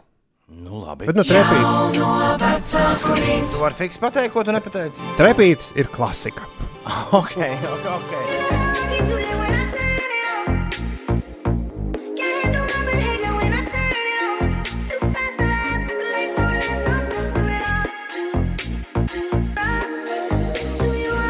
Es atradu New York Times rakstu par Imānu Beku, par Kazahstānas dīdžeju, kurš šo ir uztaisījis. Brīnišķīgi. Viņš ir ugunsdzēsēju un turismu operators dēls. Viņam ir ā, 19, un līdz pat pagājušā gada decembrim viņš strādāja vietējā stacijā, dzelzceļa stacijā. ā, Jo uh, Aksu ciematā, Kazahstānā, viņš dzīvo joprojām pie vecākiem. Viņš ir pabeidzis uh, arodu skolā uh, dzelzceļa inženieriju. Jā, dzelzceļa inženieris. Nu, tad mm. vienā dienā apsēdās pie datora, uztaisīja gabalu, kur jūs nu pat dzirdējāt. Un uh, droši vien, ka vairāk nekad stācijā nestrādās. Inesē, Jā, mums būs top 10 šorīt. Top 10. Uh, top Nu, nu, par ko? Par to, ko netīšām nesamaksā. Jā, šis uh, Nu, klausies. tēma tapa salīdzinoši nesen, Un es neatceros, vai mūsu ētera vai aizkadra sarunas rezultātā, bet man ir pierakstīts, un pirms dodos atvaļinājumā to noteikti ir jāpēda. Aizgāju nesamaksājis. Pasēdēju krodziņā, pasēdēju restorānā vai kaut kur citur, vai kaut ko vēl, kaut ko, nezinu, bija pie friziera. Tas gan būtu sarežģīti. Un, lai gan es esmu pa frizieru aizmirsis samaksāt, bet es skaitu, pārskaitīju, man tur, tur gadās. Bez tam atgādinu, ka paklau vispār jau mm, var at- kā laikam aizmirst. Bet uh, ir gadījies arī aiziet nesamaksājušam, ne, ne, nejauši. Un tad nākas iet un atvainoties un tā un tā. Un gal galā mans veikala, lielveikala piedzīvojums, kur, kur es vienkārši aizgāju nesamaksāt. Nu, man nepaņēma naudu no kartes, bet es aizgāju, aizskrēju projām un tikai tad pamanīju, ka kartē kaut kas tur bija. Un nā, nākamajā dienā gāja maksāt. Bet labākais stāsts par aizgāju nesamaksājis man, gadījās maniem kolēģiem Nicā. Viņi aizgāja, nevis nesamaksājuši, bet aizgāja, nu, šausmīgi ilgi bija jāgaida. Nu, oficiants. Un viņi bija paprasījuši rēķinu, viņš nenāk, un nenāk, un nenāk, un nenāk, un vienā brīdī, nu, paklau, nu nav pieklājīgi. Bet nu, viņi bija diezgan neutrāli noskaņojumā. Viņi nolēma, ai, laižamies. Nu, nav labi, bet nu, viņi tā izdomāja. Nu, palaid, jā. Bet viņa, tas, ko viņi bija piemirsuši, ka tas oficiāls bija paņēmis no viņiem jau 50 eiro, viņi gaidīja atlikumu. Kaut kādus 40. viņi aizlaidās projām un nākamajā dienā. Kur tie 50 eiro palika? Un tad atcerējās. Ai, tā kā rekā sanāca. Brīnišķīgi. Aizgāju nesamaksājis. Jūs stāstāt par nu, kaut kādiem kāzasiem, vēlams nejaušiem, ja kāds nu, ļaunprātīgi, tad to gan mēs tā neatbalstām. Jā, nu, nu, reiz netīšām pirms kāda laika sanāca ar pamperiem iziet ārā no veikala. Nu, jo tu kā, nu, tu groziņā liec visas preces, kas tev jāliek. Savukārt, bērnu pampers tu tur ir rokā. Jā. Nu, tad tu saliec visus, visu samaksā, un tāpat visu laiku turējies rokā. Tur pampers izsoļo ārā mājās. To es domāju, pagaidi, pagaidi, jāpaskatās čekā, kas tur bija. Man bija šī tā ar, ar apsargiem nesen veikalā, jo es gāju ar to pīkstināmo liku visu mugursomā. Vienam apsargam dikti nepatika. Un tad es sāku, sāku riņķot vēl ap vienu stendu, jo man kaut ko domāju, vai gaidīju, ka man atrakstīs kaut ko. Un, un tad viņš man baigi rūpīgi sekoja. un, un tad beig, beigās man nācās to somu rādīt pie ārā iešanas. Un es nebiju čeku paņēmis, un čeks bija palicis tur tajā aparātā, un tur bija savu ņemšanās. Un beigās jau viss labi. Ines, tev ir bijuši, bijis šāds gadījums? Nē, man laikam nav gan bijis. Es neesmu aizgājusi no kafejnīcas vai restorāna vai kādas citas vietas nesamaksājusi. Un vēl uh, skatoties jau uz pirmo pētera ziņu, es atcerējos, ka man nesen gan arī savāca cieta apsarga par to, ka es iepildīju degvielu ķiverē, benzīna tankā. Ja tu, ja tu ne, nesamaksā ar karti uzreiz, bet nospied maksāt veikalā, tad ķivere obligāti jānoņem. Tāda ir noteikuma, tur tas ir uzlīmēts. Tu, tu nedrīkst pildīties ķiverē, jo tad kamerā tev nevar atpazīt. Un es to nezināju, zinu, kā jauns Nu, vadītājs. Galvenais bija kopā tieši ar Valdu Melderu, kurš tajā brīdī iekšā pirka kafiju. Nu, es baigi tur salēju visu un, un pabraucu nospieklājīgi, lai nākamais var braukt pildīties. Apsargs jau nāk. Un, un, un, un tad es nu, apstājos malā, noņemu to ķīveru, mierīgi maksāt. Nu, jā, kaut kāds apsargs tur nāk, pēc tam iznāk ārā. Valdes tev tikko gan arī savāds. Jo apsargs esot izlecis no mašīnas, tā kā es uzsēdos un braucu projām, viņš esot izlecis no mašīnas un skrējis man pakaļ. Tikai tad, Bet kad tu to nepamanīji? Es to nepamanīju. Un tad, kad piestāja malā un noņēma ķiveri, tad viņš saprata, ka, ah, nu, labi, viss kārtībā. Jā. Mācība bija, jā, bet, bet nu, tur es samaksāju. Bet mēs gaidām jūsu stāstus. Jau ļoti labi daži ir. Ines, tev sanācis nesamaksāt. Nē, nē, Inese nav. Tie man jautāja. Oh, ir ā, 7,49 minūtes. Jā, es, es sapratu, ka smadzenēs kaut kas sagāja uz īso, jo man te jājautā, kaut kas cits bija. Tad 293, 120, 202. Sūtiet šurp savus nesamaksāju stāstus. Saliksim mēs to top desmitniekā jau pavisam drīz. Bet, Ines, tu pastāsti, kas notiek. Šodien sākas autoceļa ainaži matīšu seguma atjaunošanas darbi posmā no Staicelas līdz Alojai. Jā.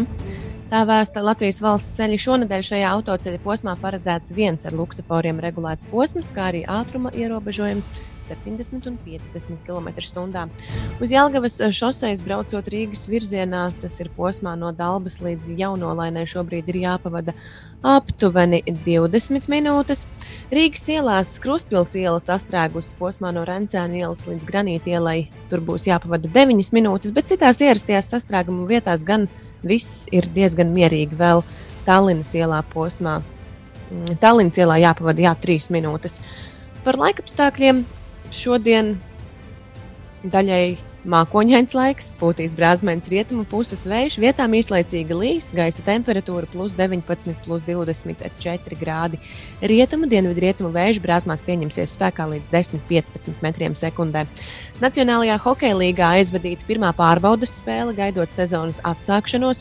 Teodora Bļūgera pārstāvētā Pitsburgas pingvīns papildu laikā ar 2-3 piekāpās Filadelfijas Flyers spēlētājiem. Bļūgers laukumā pavadīja gandrīz 14 minūtes, un šī bija pirmā NHL komandu spēle gandrīz 5 mēnešu laikā. Jā, tā tad uh, atgādinām, ka gaidām jūsu top 10 iesūtījumus ar gadījumiem, kad jums ir gadījies nesamaksāt restorānā vai, vai kafejnīcā. Vai... Tos sūtiet uz 29, 31, 2020, 29, 31, 2020. Bet mums ir atrakstīta arī no Latvijas radio mājaslapas, un Nikolais to tikko ir izdarījis. Viņš raksta, labrīt, vēlos sveikt darba kolēģi Kārli Ozolu no Ziedkalnas ar ģimenes pieaugumu. Jej! Vēlam vesel, veselību un izturību, un, ja iespējams, uzlikt Donu dziesmu, tev piedzimts bērns, bet nevajag, nu, nu, varbūt kādu brīdiņu tā dziesma, nu, lai ir pirmo, tie, lai tie galā ar to, kas tikko piedzima. Hess un tu, jā, un tad drīzāk. Jā, un tas piedzimts bērns, tad pēc kāda gada kaut kur tā. Nu, Nu, var sākt domāt, jā. Nu, diviem. Nu, saudzēsim dāmas. Laura mums ziņo, ka. Uz Rīgas Daugopils šoseis Jā. pirms Ikšķilas. Jā, viena mašīna ir apmetusies uz sāniem. Iespējams, traucēta būs satiksme. To liekam aiz auss. Un uh, lieciet mieru Ineses uh, uh, laika ziņām. Kāds rakstīja, klausoties laika ziņas, ko Ines lasa, rodas jautājums. Daļēji apmācies, bet šorīt laiks būs daļēji saulains. tas ir, vai tas ir tas pats? Mm, Nu, Kā tev liekas, vai tas ir tas pats vai nav? kāda starpība? Svarīgākais ir tas, ka, lai šis lietus galvaspilsētā, es par galvaspilsētu runāju, lai šis lietus jūs šorīt, jā, nu, nenoved no ceļa pareizā, jo šī diena nebūs lietaina galvaspilsētā. Rīt gan, rīt būs, rīt rāda, Ines, ka būs visu dienu, tā kā nu, non-stopā. Kaut kas, kas gāzīsies no debesīm. Nē. 7,56. Jā, šī dziesma lai skan Edžuma vārdu dienā. Edžu, edžu, lai viss feini. Dusmīgais Edžus. Taylor Swift un Boniver. Exile. I can see you standing, honey, with his arms around you. Es garā acīm redzu Boniver koncertu arēnā Rīgā un milzīgu Taylor Swiftas projekciju šīs dziesmas laikā. Tik kurā gadā tas notiks? Taylor Swift un Boniver ir sajūta, ka šī dziesma kļūs par klasiku kāzās, Valentīna dienās un visur citur. Šo sauc Exile. Tā, Da, jā, vai tu Labrīt, vēlēsies labrīt. jā, vai tu vēlēsies runāt par vīrusu vai par tvartu? Uh, varbūt fiks par vīrusu, bet ko tur daudz runāt? Nu, es pētīju vienkārši, kamēr skanēja ziņas, Ines, es pētīju, kā mums ar saslimšanas gadījumiem iet. Un nosacināju, ka vakar ir bijis viens, ko es biju palaidis garām. Un Jā. viss. Jā, un tas ir krietni labāk nekā tie. Bet, jā, bet te, kad bija 13, tas jau arī bija lielākā daļa. Bija viss viens tur pu- puiku puduris, kur bija kopā tur darbojušies. Kas, kas tas bija? Puiku puduris. nu, tur bija nu, darbinieki no ārzemēm, bija vienā Es biju kompānijā. puika, man bija vāra, man bija vesels puduris. Jā, tā kā čupoties, un kā rāda Amerikas ziņas, tur bija vienā beisbola komandā dikti traki, kaut kādi 18 saslimuši. Un kāpēc? Tāpēc, ka viens no tiem 18 bija kaut kad pirms spēles sākuma aizgājis uz balīti klubiņā vai uz kafejnīcu. Nu, var sakot, aizgājis uz publisku izklaides vietu, Un viss kārtībā, un atsākuši treniņus, un spēle, un tuvojas, un 18. ču. Beisbols it kā nav tā spēle, kur viens pret otru glaužas. Un, Nu, jā, bet tur jau ģērbtuvē, zina, kā sit ar slapjiem dvieliem pa dibeniem. Un, un, Pareizi, pareizi, pareizi, pareizi. Nu, tu Ines tā, tā džeku ģērbtuvēs notiek. Viss ar slapjiem dvieliem sit Un cits tad, ir, un tad tur iet vaļā vēl slavenais locker room talk. Jā, jā, tā kā. Tā ir kā jūs kādreiz būtu bijuši kādā ģērbtuvē. uh, ir uh, 7 pār 8. Vispār mums ir sastādīts uh, top 10. Top 10. Šorīt top 10 ir veltīts nesamaksāšanas gadījumiem veikalā. Un numur 10 Ines, ir kas? Artis ierindojas desmitajā vietā. Viņš raksta, nav mans gadījums, bet māsas iepirkās un pirka arī cukuru iepakojumā 10 kg. Pie kases māsai kasieru uzkliedza, lai to paku neliek uz lentes. Tā arī izbrauc ārā ar visu cukuru. Neliec uz lentes. Nu, labi. Pārtevējiem jāklausa. 9. pozīcijā Pēters, kurš raksta, steigā par degvielu aizmirsu samaksāt. Pēc 10 km sāku domāt, pagaidi, samaksāju vai nē? Aizbraucu atpakaļ, tur jau bija ziņots policijai, bet atvainojos, un viss beidzās Jā. laimīgi. Trīs ļoti dažādi gadījumi, jo Pēterim tā tad ziņoja policijai. Kalvis raksta, uzpildīju bāku un netīšām aizbraucu no benzīna tanka nesamaksājis. Pēc pāris dienām atgriezos un samaksāju. Neziņoja policijai. Un trešais šajā pašā devītajā pozīcijā. Labrīt, reiz nācās par degvielu nesamaksāt, jo, lejot degvielu darba kolēģis tā vietā, lai samaksātu par degvielu, aizgāju uz mazmājiņu. Policija apturēja pēc Policija pieciem kilometriem. Ārprāts! Labi, tas par degvielu. Par degvielu daudz rakstīja, un par degvielas kafijām arī. joklieta, jā. Jā. Astotajā vietā ir Agnese. Viņa raksta, samaksāja par visiem produktiem, bet nepamanīju, ka uz elkoņa ir uzkarināti banāni maisiņā. Sirdsapziņa gan zina atpakaļ samaksāt. Nakšī! Tādā būs rūkts banāns. Septītajā vietā Jānis Jānītis. Autobusā esmu iekāpis ar lielu naudu. Šoferim nebija ko izdot, teica, lai apsēžos, un tad vēlāk varēšu samaksāt. Tā nu es brīvā, pa brīvu aizbraucu uz Rīgu. Man gan šī tāda laime nekad Jānis Jānītis nav bijusi. Arī, saka, vēlāk, mēs, es vēlāk jums izmainīšu. Un tad, kad ir izmaināma nauda, tad arī prasa to lielo banknotīti. Mm -hmm. Tā, sastajā vietā. Jā, ir Elīna. Viņa raksta, labrīt. Tad vēl Vācijā bija kronas. Markas. Braucām ar orķestri mājās. Nu, Markas, jā, viņa sajaukas. laikam. Braucām ar orķestri mājās no Šveices. Man jau likās, ka Vācijā kronas nav bijušas. Uh, Pieturiņā restorānā Vācijā uzliku šķīvi kartupeļu salātus un maizīti. Pie kases devu šveices frankus, jo kāds no orķestra biedriem bija teicis, ka tos ņem pretī. Kasieri novēdējās un teica, niht! Keines viss geld. Keine. Bet, jā, es pareizi izlasīju. Kaina, kainas viss geld. Jā. Bet uh, esot iedavusi viņai uh, Elīnai salātiņus bez maksas. To padzirdēja Elīnas draudzene, aizgāja piekrāmēt pilnu šķīvi un devās uz kasi. Bet kasieres vaidi kļuva skaļāki, un, protams, kasiere noraidīja šveices frankus un pasūtīja Elīnas draudzeni trīs mājas tālāk. Oi, oi, oi. Nu, Nekādas salātiņas pavelti nedabūja. Piektā vieta. Gribēju, kā labākajā sanāca, kā vienmēr. Uh, iegāju pārtikas veikalā, ieraudzīju, ka brīvlēm atlaides, izvēlējos īstās, uzliku uz galvas, lai groziņā nesaskrāpējas. Tā arī aizgāju prom ar brīvlēm uz galvas un pamanīju vienu to pēc poguļu mājās. Jā, ceturtajā vietā ir Signes stāsts. Viņa ar draugu bija restorānā, pēda un grasījās doties jau projām. Signe aizgāja uz toleti ar domu, ka samaksās pēc tam. Viņa atnāk atpakaļ un saka, redz, ka rēķins nav. Signe domāja, ka draudzene ir uh, uzsaukusi pusdienas, bet, diemžēl, arī draudzene domāja, ka Signe ir gājusi nevis uz toleti, bet patiesībā samaksāt. Un to abas divas viņas ir sapratušas tikai pēc gada. Un iedomājieties, kā tur darbinieki. Ei, šitās divas. Miss Agenskalns raksta, nesen esot Viļņā iegāju veikalā. Viņai mēs trešo vietu dodam. Um, Miss Agenskalns šodien tev bronziņu. Nesen esot Viļņā iegāju veikalā 4 minūtes pirms slēgšanas, jo ļoti vajadzēja čipšus. Onkulis pie kases bija Nikins, ļoti gribēja, lai tinos prom un nemaz neklausījās, vai arī nesaprata, ka centos iestāstīt, ka samaksāju tikai par vienu paku no divām. Padevos un aizgāju arī. Ho, ho, ho, ho. Šis ir ļoti labi. Mārtiņam ir otrā vieta. Viņš raksta, gadījās, ka sieva pārkāpa ātrumu uz jūrmālas šoseis, un fotoradars to fiksēja. Vēlāk atnāca sots ar bildītu uz ēpastu.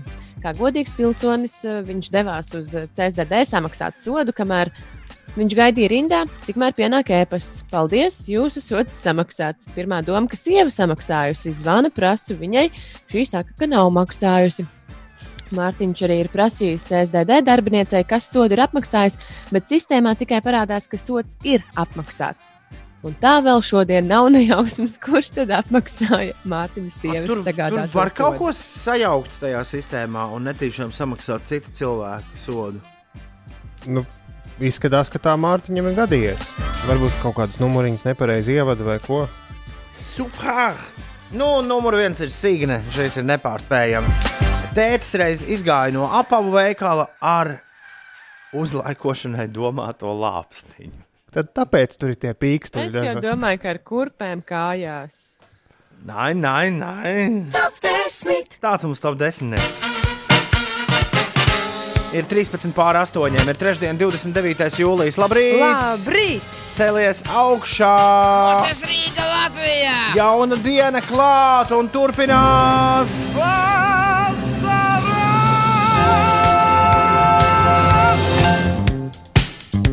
Šeit Latvijas Rādio 5, 5 LV, 5 rīta, Grēviņš, Ziedņš un Puķekā. Runas un mix of music. 29. šodien jūlijas sveiciens Edmundam, Edžum un Vidmantam vārdu svētkos. Mudītai Paiglai mūsu radio kolēģei sveiciens dzimšanas dienā. Imantam Lansmanim, mākslas zinātniekam un Rundāls pilsētas muzeja direktoram daudz laimes, un daudz laimes arī bijušajiem akciju sabiedrības dzintars valdes priekšsēdētājiem Iljam Gerčikovam. Mēs, ko viņš tagad dara? Kur brūvē savus pretsauļošanās krēmus, kas bija diezgan labi. Žēl, ka vairs nav. Jā, bet nu, neko. Viss nāk un aiziet tālumā. Sveiciens Irmai Pavārai, dziedātājai. Sveiciens, ja vokālistei tā laikam būtu pareizi. No operas cilvēks nes, nesauc par dziedātājiem parasti. Opera dziedātāja. Nu, labi. Ralfam Vīlandam, PR guru un Ivetai Goldmanai, kur man palīdzējis ar labiem sakariem nevienu reizi vien. Brīnišķīgi! Daudz laimes jums, draugi, un lai viss pa pirmo. Ines, kas notiek? Kas notiek. Mērsragā notiks naftas piesārņojuma likvidācijas mācības. Eh, Jā, tātad ostā un ārējā reidā jūrā notiks naftas piesārņojuma likvidācijas mācības. Tas notiks šodien. Mācību mērķis ir uzturēt un pilnveidot gatavību reaģēt uz vides piesārņojuma incidentiem jūrā un ostu akvatorijās, lai iespējami ātri novērstu kaitējumu eh, videi. Vēl uh, Tomam Henksam un viņa sievai ir piešķirta Grieķijas pilsonība. Grieķijas valdība piešķīrusi savas valsts pilsonību viņiem abiem diviem. Šādā veidā māksliniekiem pausta pateicība par viņu palīdzību postošo meža ugunsgrēku laikā 2018. gadā. Par pašmājām uz autoceļa Jālgava Rīga A8 braucot Rīgas virzienā posmā no Dabas līdz Jaunolainai ir jārēķinās ar 20 minūšu kavēšanos. Rīgas ielās izskatās, ka situācija ir eh, visai laba. Kārļa Ulmaņa gatavē posmā no Ojāra Vāciešu ielas līdz vienības gatavē ir jārēķinās ar 5 minūšu kavēšanos un Lubānas ielā mazliet vairāk nekā 4 minūtes pavadīsiet. Par laikapstākļiem šodien gaisa temperatūra plus 19, plus 24 grādi Latvijā, galvaspilsētā plus 22 grādi. Gaidāms daļai, l- daļai apmācies laiks. Jā, būtīs brāzmēns rietumu puses vējš un vietām arī īslaicīgi līs. Inesē, tu vari vēlreiz nolasīt ziņu par uh, Tomu Henku. Lūdzu, Jā. Nu, lūdzu nolasi. Grieķijas valdība ir piešķīrusi savas valsts pilsonību Tomam Henksam un viņa sievai Ritai Vilsonai. Šādā veidā māksliniekiem pausta pateicība par viņu palīdzību postošo mežu ugunsgrēku laikā 2018. gadā. That's all I have to say about that.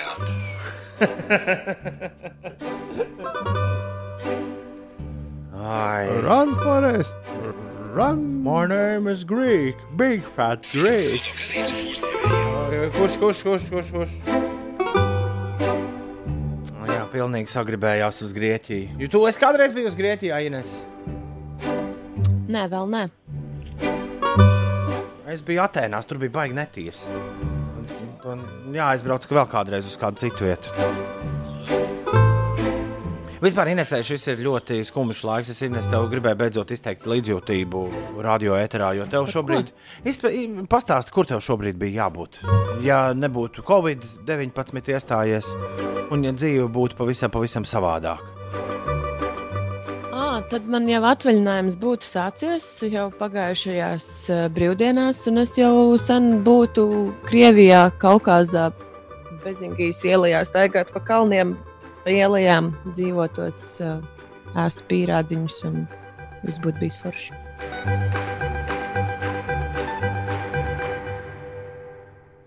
Nu jā, bet ir tā kā ir.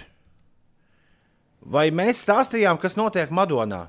Šorīt kaut kas esot televizorā stāstīts, bet nesot dzirdējis kāds mūsu klausītājs līdz galam. Rubrika Kas notiek Madonā? būs ēterā jau pavisam drīz. Vispirms Ozols un Inters Busulis. Es biju Madonā salīdzinoši nesen. Tur baigi forši. Likvidētas marihuānas audzētājs.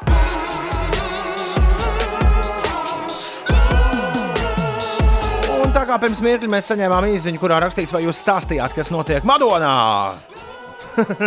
Tad mēs secinājām, ka mēs neesam stāstījuši, kas ir Madonā.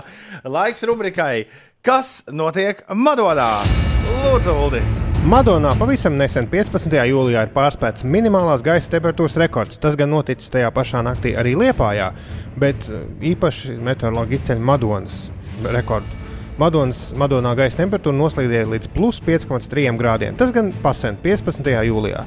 Mazliet nesenāks jaunums. 20. jūlijā valsts policijas vidzemes reģiona pārvaldes Madonas iecirkņa krimināla policijas nodaļas amatpersonām izdevies likvidēt divas marihuānas audzētājas Madonas apkārtnē.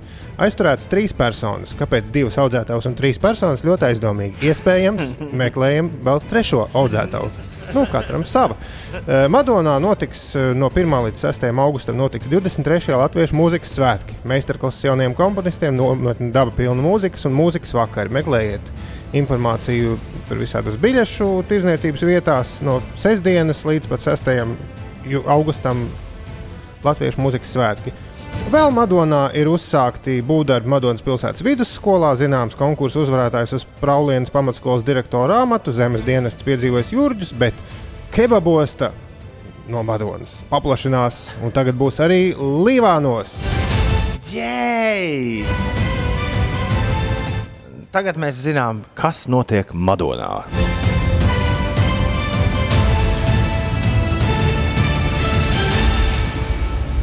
Ir gan aizdoms, ka jautājums patiesībā bija par to, kas notiek Gulbenē. Tu izpētīji, Ines, kas notiek Gulbenē.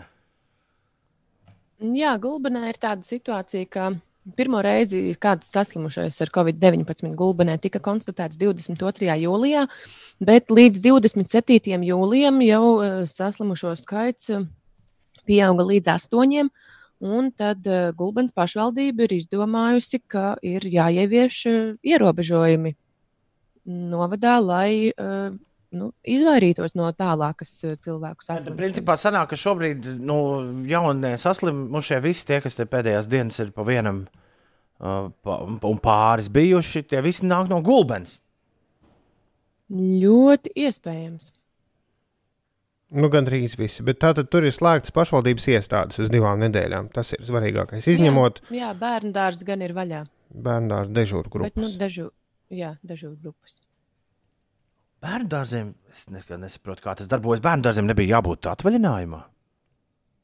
Nezinu, vakar kaut kur braucu un aizvakar redzēju, bija pilns ar knēveļiem. Ir viens brīdis, kad Bet kur tad, lai privāti bērni paliek, ja vecākiem nav atvaļinājums? valsts, dārze, va, valsts dārzeņos uh, ir, uh, ir nu, manā dārziņā ir caurums, kurā nevienu nekur, nekur neved. Tā kā jā, ej un izdomā, ko tu, ko tu un kā darīsi ar jauno cilvēku. Divi ar pus mēneši atvaļinājums bērnu dārzam. Jā, vēl būs, mm, ko lūdzu? Nē, es lasu, ka kāds sūdzējies. Jā, ka Rīgā bērnu dārzā ir divi pus mēneši no līgo līdz 1. septembrim. Nu, tā kā skolā. Man liekas, ka div- šogad atsāks kaut kādā 20. Uh, augustā bija no Jāņiem jā, līdz vai nu 17. vai 24. Es saprotu, kāpēc skolā ir brīvlaiks, lai skolas bērni varētu braukt vecākiem palīgā novākt sienu un apkopot tur lopus vasarā.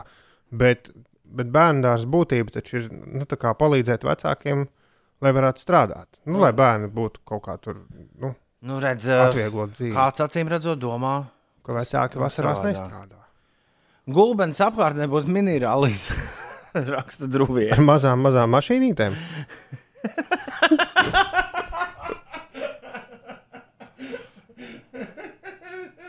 Es tam radio vadām, jā. Vai ir tām, kas nu, no kalniņa palaid, un tad viņas tur. Ir apvienotās grupiņas vasarā tiem vecākiem, kuriem strādā rakstīgvars. Mm. Un Nauris raksta, ka uz Madonu šodien Monta Randu aizbrauc. Cik zinu, veiksmīgi aizbraukuši. Tas par to, kas notiek Madonā. Enduro būs Madonā 1. augustā, Smetsers silā. O, Lieliski. Enduro sprints. Un... Tur ir pa- pareizi, tur motociklisti šovas, šonadēļ pošas uz Madonu.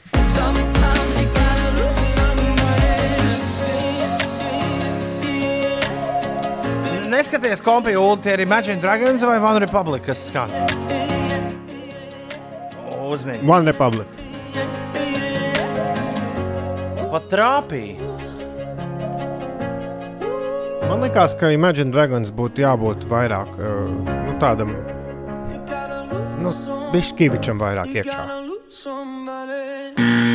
Patiesībā, patiesībā Kivičam. tas bija Kaigo. Nu, viņš ir pieaicinājis One Republic, lai viņi iedzietu šo Lose Somebody. Uh, jā, bet uh, ko, tu, do- ko tu saproti? Kā, kā tas ir Kivičam? Nu, tāds ar tādu skarbumu un, un roku. Ah. Nu, tas. Kāds Kivičam ar Imagine Dragons? Nē, nu es ar nu, sajūtu, nu, nu, nu, kurš vēl mums Latvijā to līvu garu tur dzīvu. Imagine Dragons varētu spēlēt vienā koncertā ar līviem kopā. Un viss būtu Nu, varbūt ne gluži viņi jau nav tādi baigie rockeri, bet nu, viņos ir vairāk nekā One Republic. Man pēc sajūtas liekas, ka viņos ir vairāk neskūtu vārdu un tādu nu, skarbumu. Jā, man šķiet, mēs sapratām, ko tu ar to domā. Jebkurā gadījumā viņi ir kļuvuši par ā, norvēģu diskžokeju kalpu, kalpiem. Un šajā dziesmā, jā, galvenais mākslinieks ir Kaigo. Ir 8,42. Labrīt. Ē, Ines, kas notiek? Kristapa Porziņa pārstāvētā Dallasas Mavericks pagarinājumā ar 118 pret 115 uzvarēja Filadelfijas 76ers pēdējā treniņa spēlē pirms Nacionālās basketbola asociācijas sezonas atklāšanas. Tā liecina NBA informācija. Porziņam izdevās iespaidīgs sniegums - 17 punkti, 12 izcīnītas atlikušās bumbas. Turklāt latvieša apņēmība laukumā nodrošināja viņam arī komandas treneru un mediju atzinību. Dabu, Bez dabu. uh, Nacionālās basketbola asociācijas uh, notikumiem arī NHL ir bijusi uh, labi aizvadītā nakts. Uh, ir notikusi pirmā pārbaudas spēle, gaidot uh, sezonas atsākšanos. Teodora Bļūgera pārstāvētā Pitsburgas Penguins papildu laikā ar 2 pret 3 piekāpās Filadelfijas Flyers spēlētājiem. Pats Bļūgers laukumā pavadīja gandrīz 14 minūtes. Šī bija pirmā NHL komandu spēle gandrīz 5 mēnešu laikā. Klubi, kas turpina sezonu, ieradušies Kanādas pilsētās Edmontonā un Toronto, kur aizvadīs atlikušās spēles. Un eh, šī ir vienīgā paredzētā pingvīns pārbaudas spēle pirms tā sauktā play-in sērijas pret Monreāls Canadiens, kas tā spēle sāksies naktī uz eh, 2. augustu. Tātad vispirms komandas izspēlēs pārbaudas spēles, un tad būs šis play-in turnīrs. 8,44 minūtes ir pareizais laiks. Ines un Ulas jums vēlos nospēlēt uh, skaņdarbu, kurš ir uh, uh, viens no retajiem gadījumiem Latvijas mūzikā, kad uh, kāds jauneklis ir uh, no nekurienes principā, uh, jā, parādījies un, un, un, un sasniedzis, uh, lēnām sāk sasniegt ļoti teicamus, teicams panākumus bez slavenu producentu, ierakstu kompāniju nu, un mēdīju speciālistu nu, teiksim, PR palīdzības.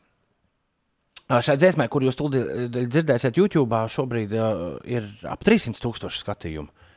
Un tā aizvien vairāk parādās visās atskaitēs, kuras mēs uzmanīgi pētām arī par citiem straumēšanas servisiem. Man gribējās zināt, ko jūs Ko jūs par šo sakāt? Un, un iespējams, arī ko saka klausītāji, jo rīta agrumā mēs šo vēl nekad neesam dzirdējuši. Man nav nekas mm, plašāk zināms par Sorģēju, kā vienīgi tas, ko es nu pat arī jums pastāstīju. Skaidrs ir tas, ka viņš ir viens no māksliniekiem, tā tagad daudz dara, kurš uh, savu skatuves vārdu ir izvēlējies uzsviežot uz klaviatūras kastaņus. Nu, paņem sauju kastaņiem un svied, un tas, kas, Kas, kas tur būs? Tas ir Jā. Sorģēju. Jo es rakstu, ka Salasāms ir sanācis. nu, S ir ne? kā dolāra zīmīte, un J ir lielais. Jā, es uh, arī uzreiz atzīšu, ka es, šī ir mana interpretācija par šo nosaukumu. Iespējams, ka Dollar sign or J. Jā, vai Ir- arī ir pareizi- money pareizi. or Money or J. Jā, Money or J. Money or J Money arī or- varētu būt mierīgi. Bet uh. Nu, Sour bija uh, salskāps. Jā, vai skāps. Sweet and sour bija salskāps. Jā, tā par, Sour, par krējumu saka. Jā. Skābais J. Varbūt Džeks ir Jēkabs vai Jānis.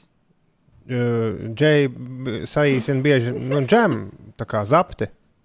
Nu, kad uh, peanut butter, Kā būs izapta? PB&J, peanut butter and jam. Nē, jelly, jelly, pareizi. Abi, varbūt noklausāmies dziesmu. Matīs jau ir atsūtījis sirsniņas par to. Ah. Kā skābā zapti. Mm, Sorģēji, draugs mans. Latvijas radio 5, 5 LV ēterā. Nav gari. Klausieties! Vienmēr esmu bijis tavs draugs, draugs mans. Ja pat kādreiz uzrodas man kāds draugs jauns, es vienmēr atcerēšos, kā mums gāja tajās vasarās, kad vēlu vakarā mēs abi peldējām pa upi smieklu asarās un vienmēr runājām ar mežām, kuras atkritās no tādiem čaļiem kā mums, kuriem nebija mašīnas, nebija mašīnas. Mikam pirmās asociācijas ir ar. Ui, that's the shape of my heart. Ar stingu dziesmu. Jā, pavadījums, jā. Jā, jā. Jānis, tas ir latviešu basta. Ir tāds uh, slavens izpildītājs. A, kāpēc Oskars domā, ka mēs par šo smējāmies? Mēs tikai Jā. vārdu analizējām. Oskar, par dziesmu, neko smieklīgu tu neredzi. Man pat ļoti patīk. Tas, ka tur ir Krapas Rēns ir atrakstījis et- Es recenziju. tieši gribēju izteikt komplimentu, bet man neviens nedod vārdu. Nē, lūdzu, lūdzu, izsaki. Ines, lūdzu, izsaki. Nu, man patika, ka šeit bija diezgan salīdzinoši eh, skaidra dikcija, salīdzinot ar citiem Nu, varēja māksliniekiem. saprast, ka ir sāpes Varēja par- saprast, ko dzied. jā, sāpes par to, ka nav mašīnas. Un Ne, tagad ir. tagad ir. Jā. Tas bija, tā bija par uh, tādas uh, saldsērīgas atmiņas par Tas bija laikiem, atmiņas par tiem laikiem. mašīnas. Nu, jā, un dziesmas beigās gan, diemžēl, to tekstu varēja pārāk labi sadzirdēt. un Es nedomāju, ka mēs šādu vairs spēlēsim. Bet, nu, tas droši vien, ka Es nav, vakar- es nav vakar- ēteram. Es vakar prasīju mūzikas redaktoram, bet ok. Nu, tas jau nav mūzikas redaktoram jautājums. Paprasti man. Uh, Kraps Reins raksta, vibes tāds, vibes tāds pats kā Armānda vienmēr tu. Šlāgeris ar mēreni bezjēdzīgu tekstu, bet zināmos apstākļos var noderēt. Nu, Paldies mūsu klausītājiem, kas labi kritizē. Un kāds arī sūta uz gaisā vai aizā šo pataisno. Paskatīsimies, kas notiks tālāk ar, ar šo skaņdarbu. Ar Sorģēju. Tas bija draugs mans pirmo reizi brokastīs. Tā, un pulkstenis jau ir 8,49. Ārā gan ir precīzi. Man ir tāds sajūta, šis ir tas rīts, kad ārā ir tieši tas pats, kas bija pulkstenis 6 un 11 minūtēs. Nav kāds apstādinājis laiku. Iedomājieties, tas tik būtu joks. Mēs visu laiku esam vienā un tajā pašā pulkstenī iestrēguši.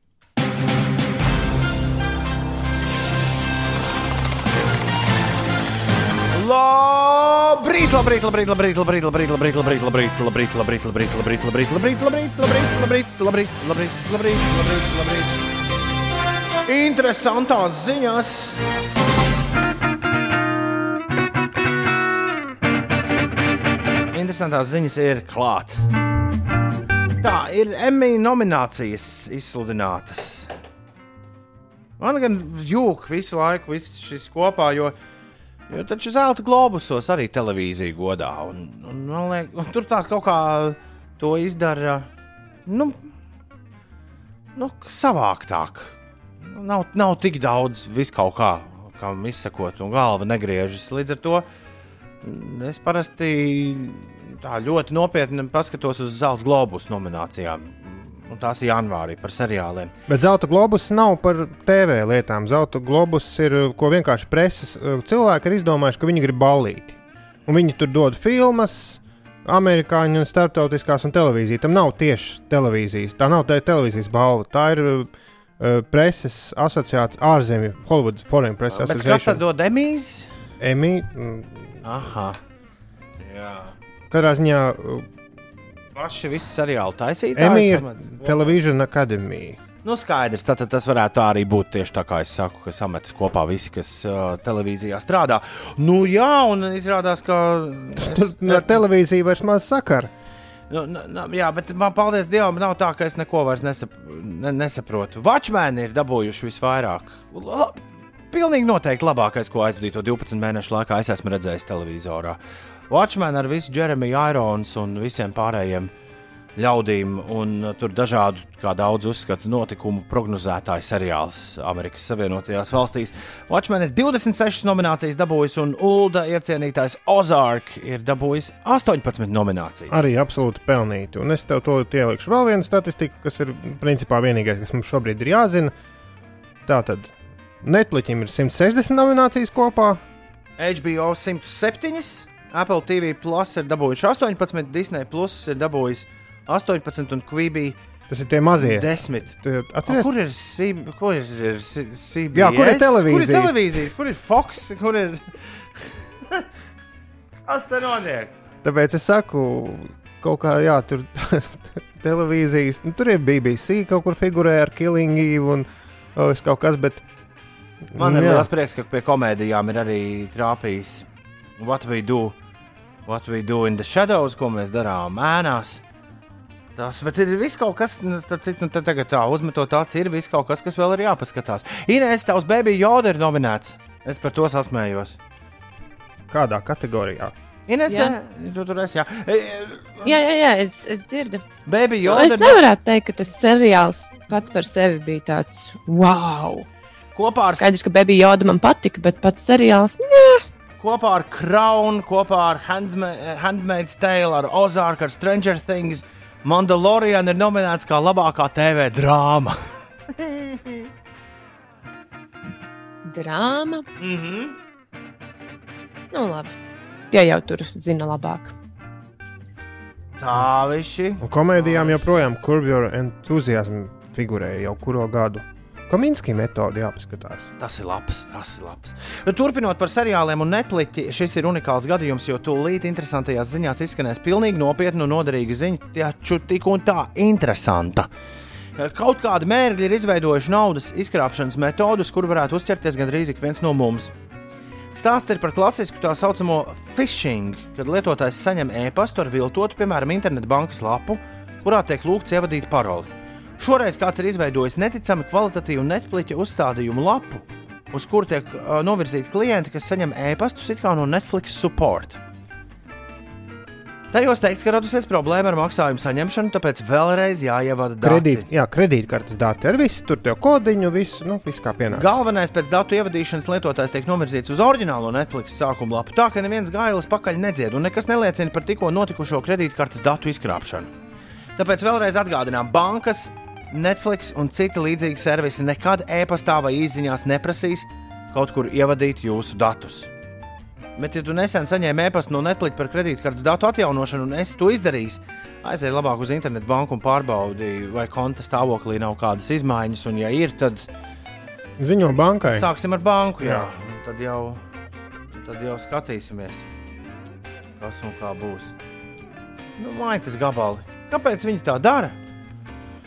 Nu, vienmēr ir cilvēki, kas godīgi cenšas tikt pie naudas, un ir cilvēki, kas mēģina šo naudu savākt sev. Un tad ir cilvēki, kuriem ceļas no rīta augšā, aizmet segu pa gaisu, atpleš rokas un pilnā balsī iedzieda šādi. Es izrādās šorīt no taksometra esmu jums atsūtījis savu reperu skatuves vārdu. Nu, netīšām kabatā ir saspiedies. Jā, L. Ļov. es nezinu, kā šo varētu. Ļovkuku. Ļaukuku. Ļaukuku. Ļoti labi skan. Ļovkuku. Raksta eļļa. Bet nevar saprast, tā ir nulle vai o. bet ir ļo, tad ir viens pirmajā pakāpē un divi mazie kūku. Tā, es vēlreiz paņemšu šo te ziņu un ielikšu šo te Twitterī. Okay? Liec iekšā. Viss kaut kas, par ko mēs runājam, Twitterī atspoguļojas. Joprojām mūsu mazajā jaukajā Twitter kontā, kur sauc 5 rīti, 5 rakstot ar burtiem. Rīt starp 6 un 9 mēs būsim atpakaļ. Uldim vēl 2 rīti un tad atvaļinājums! Paldies, ka klausījāties! Visu labu! Atā!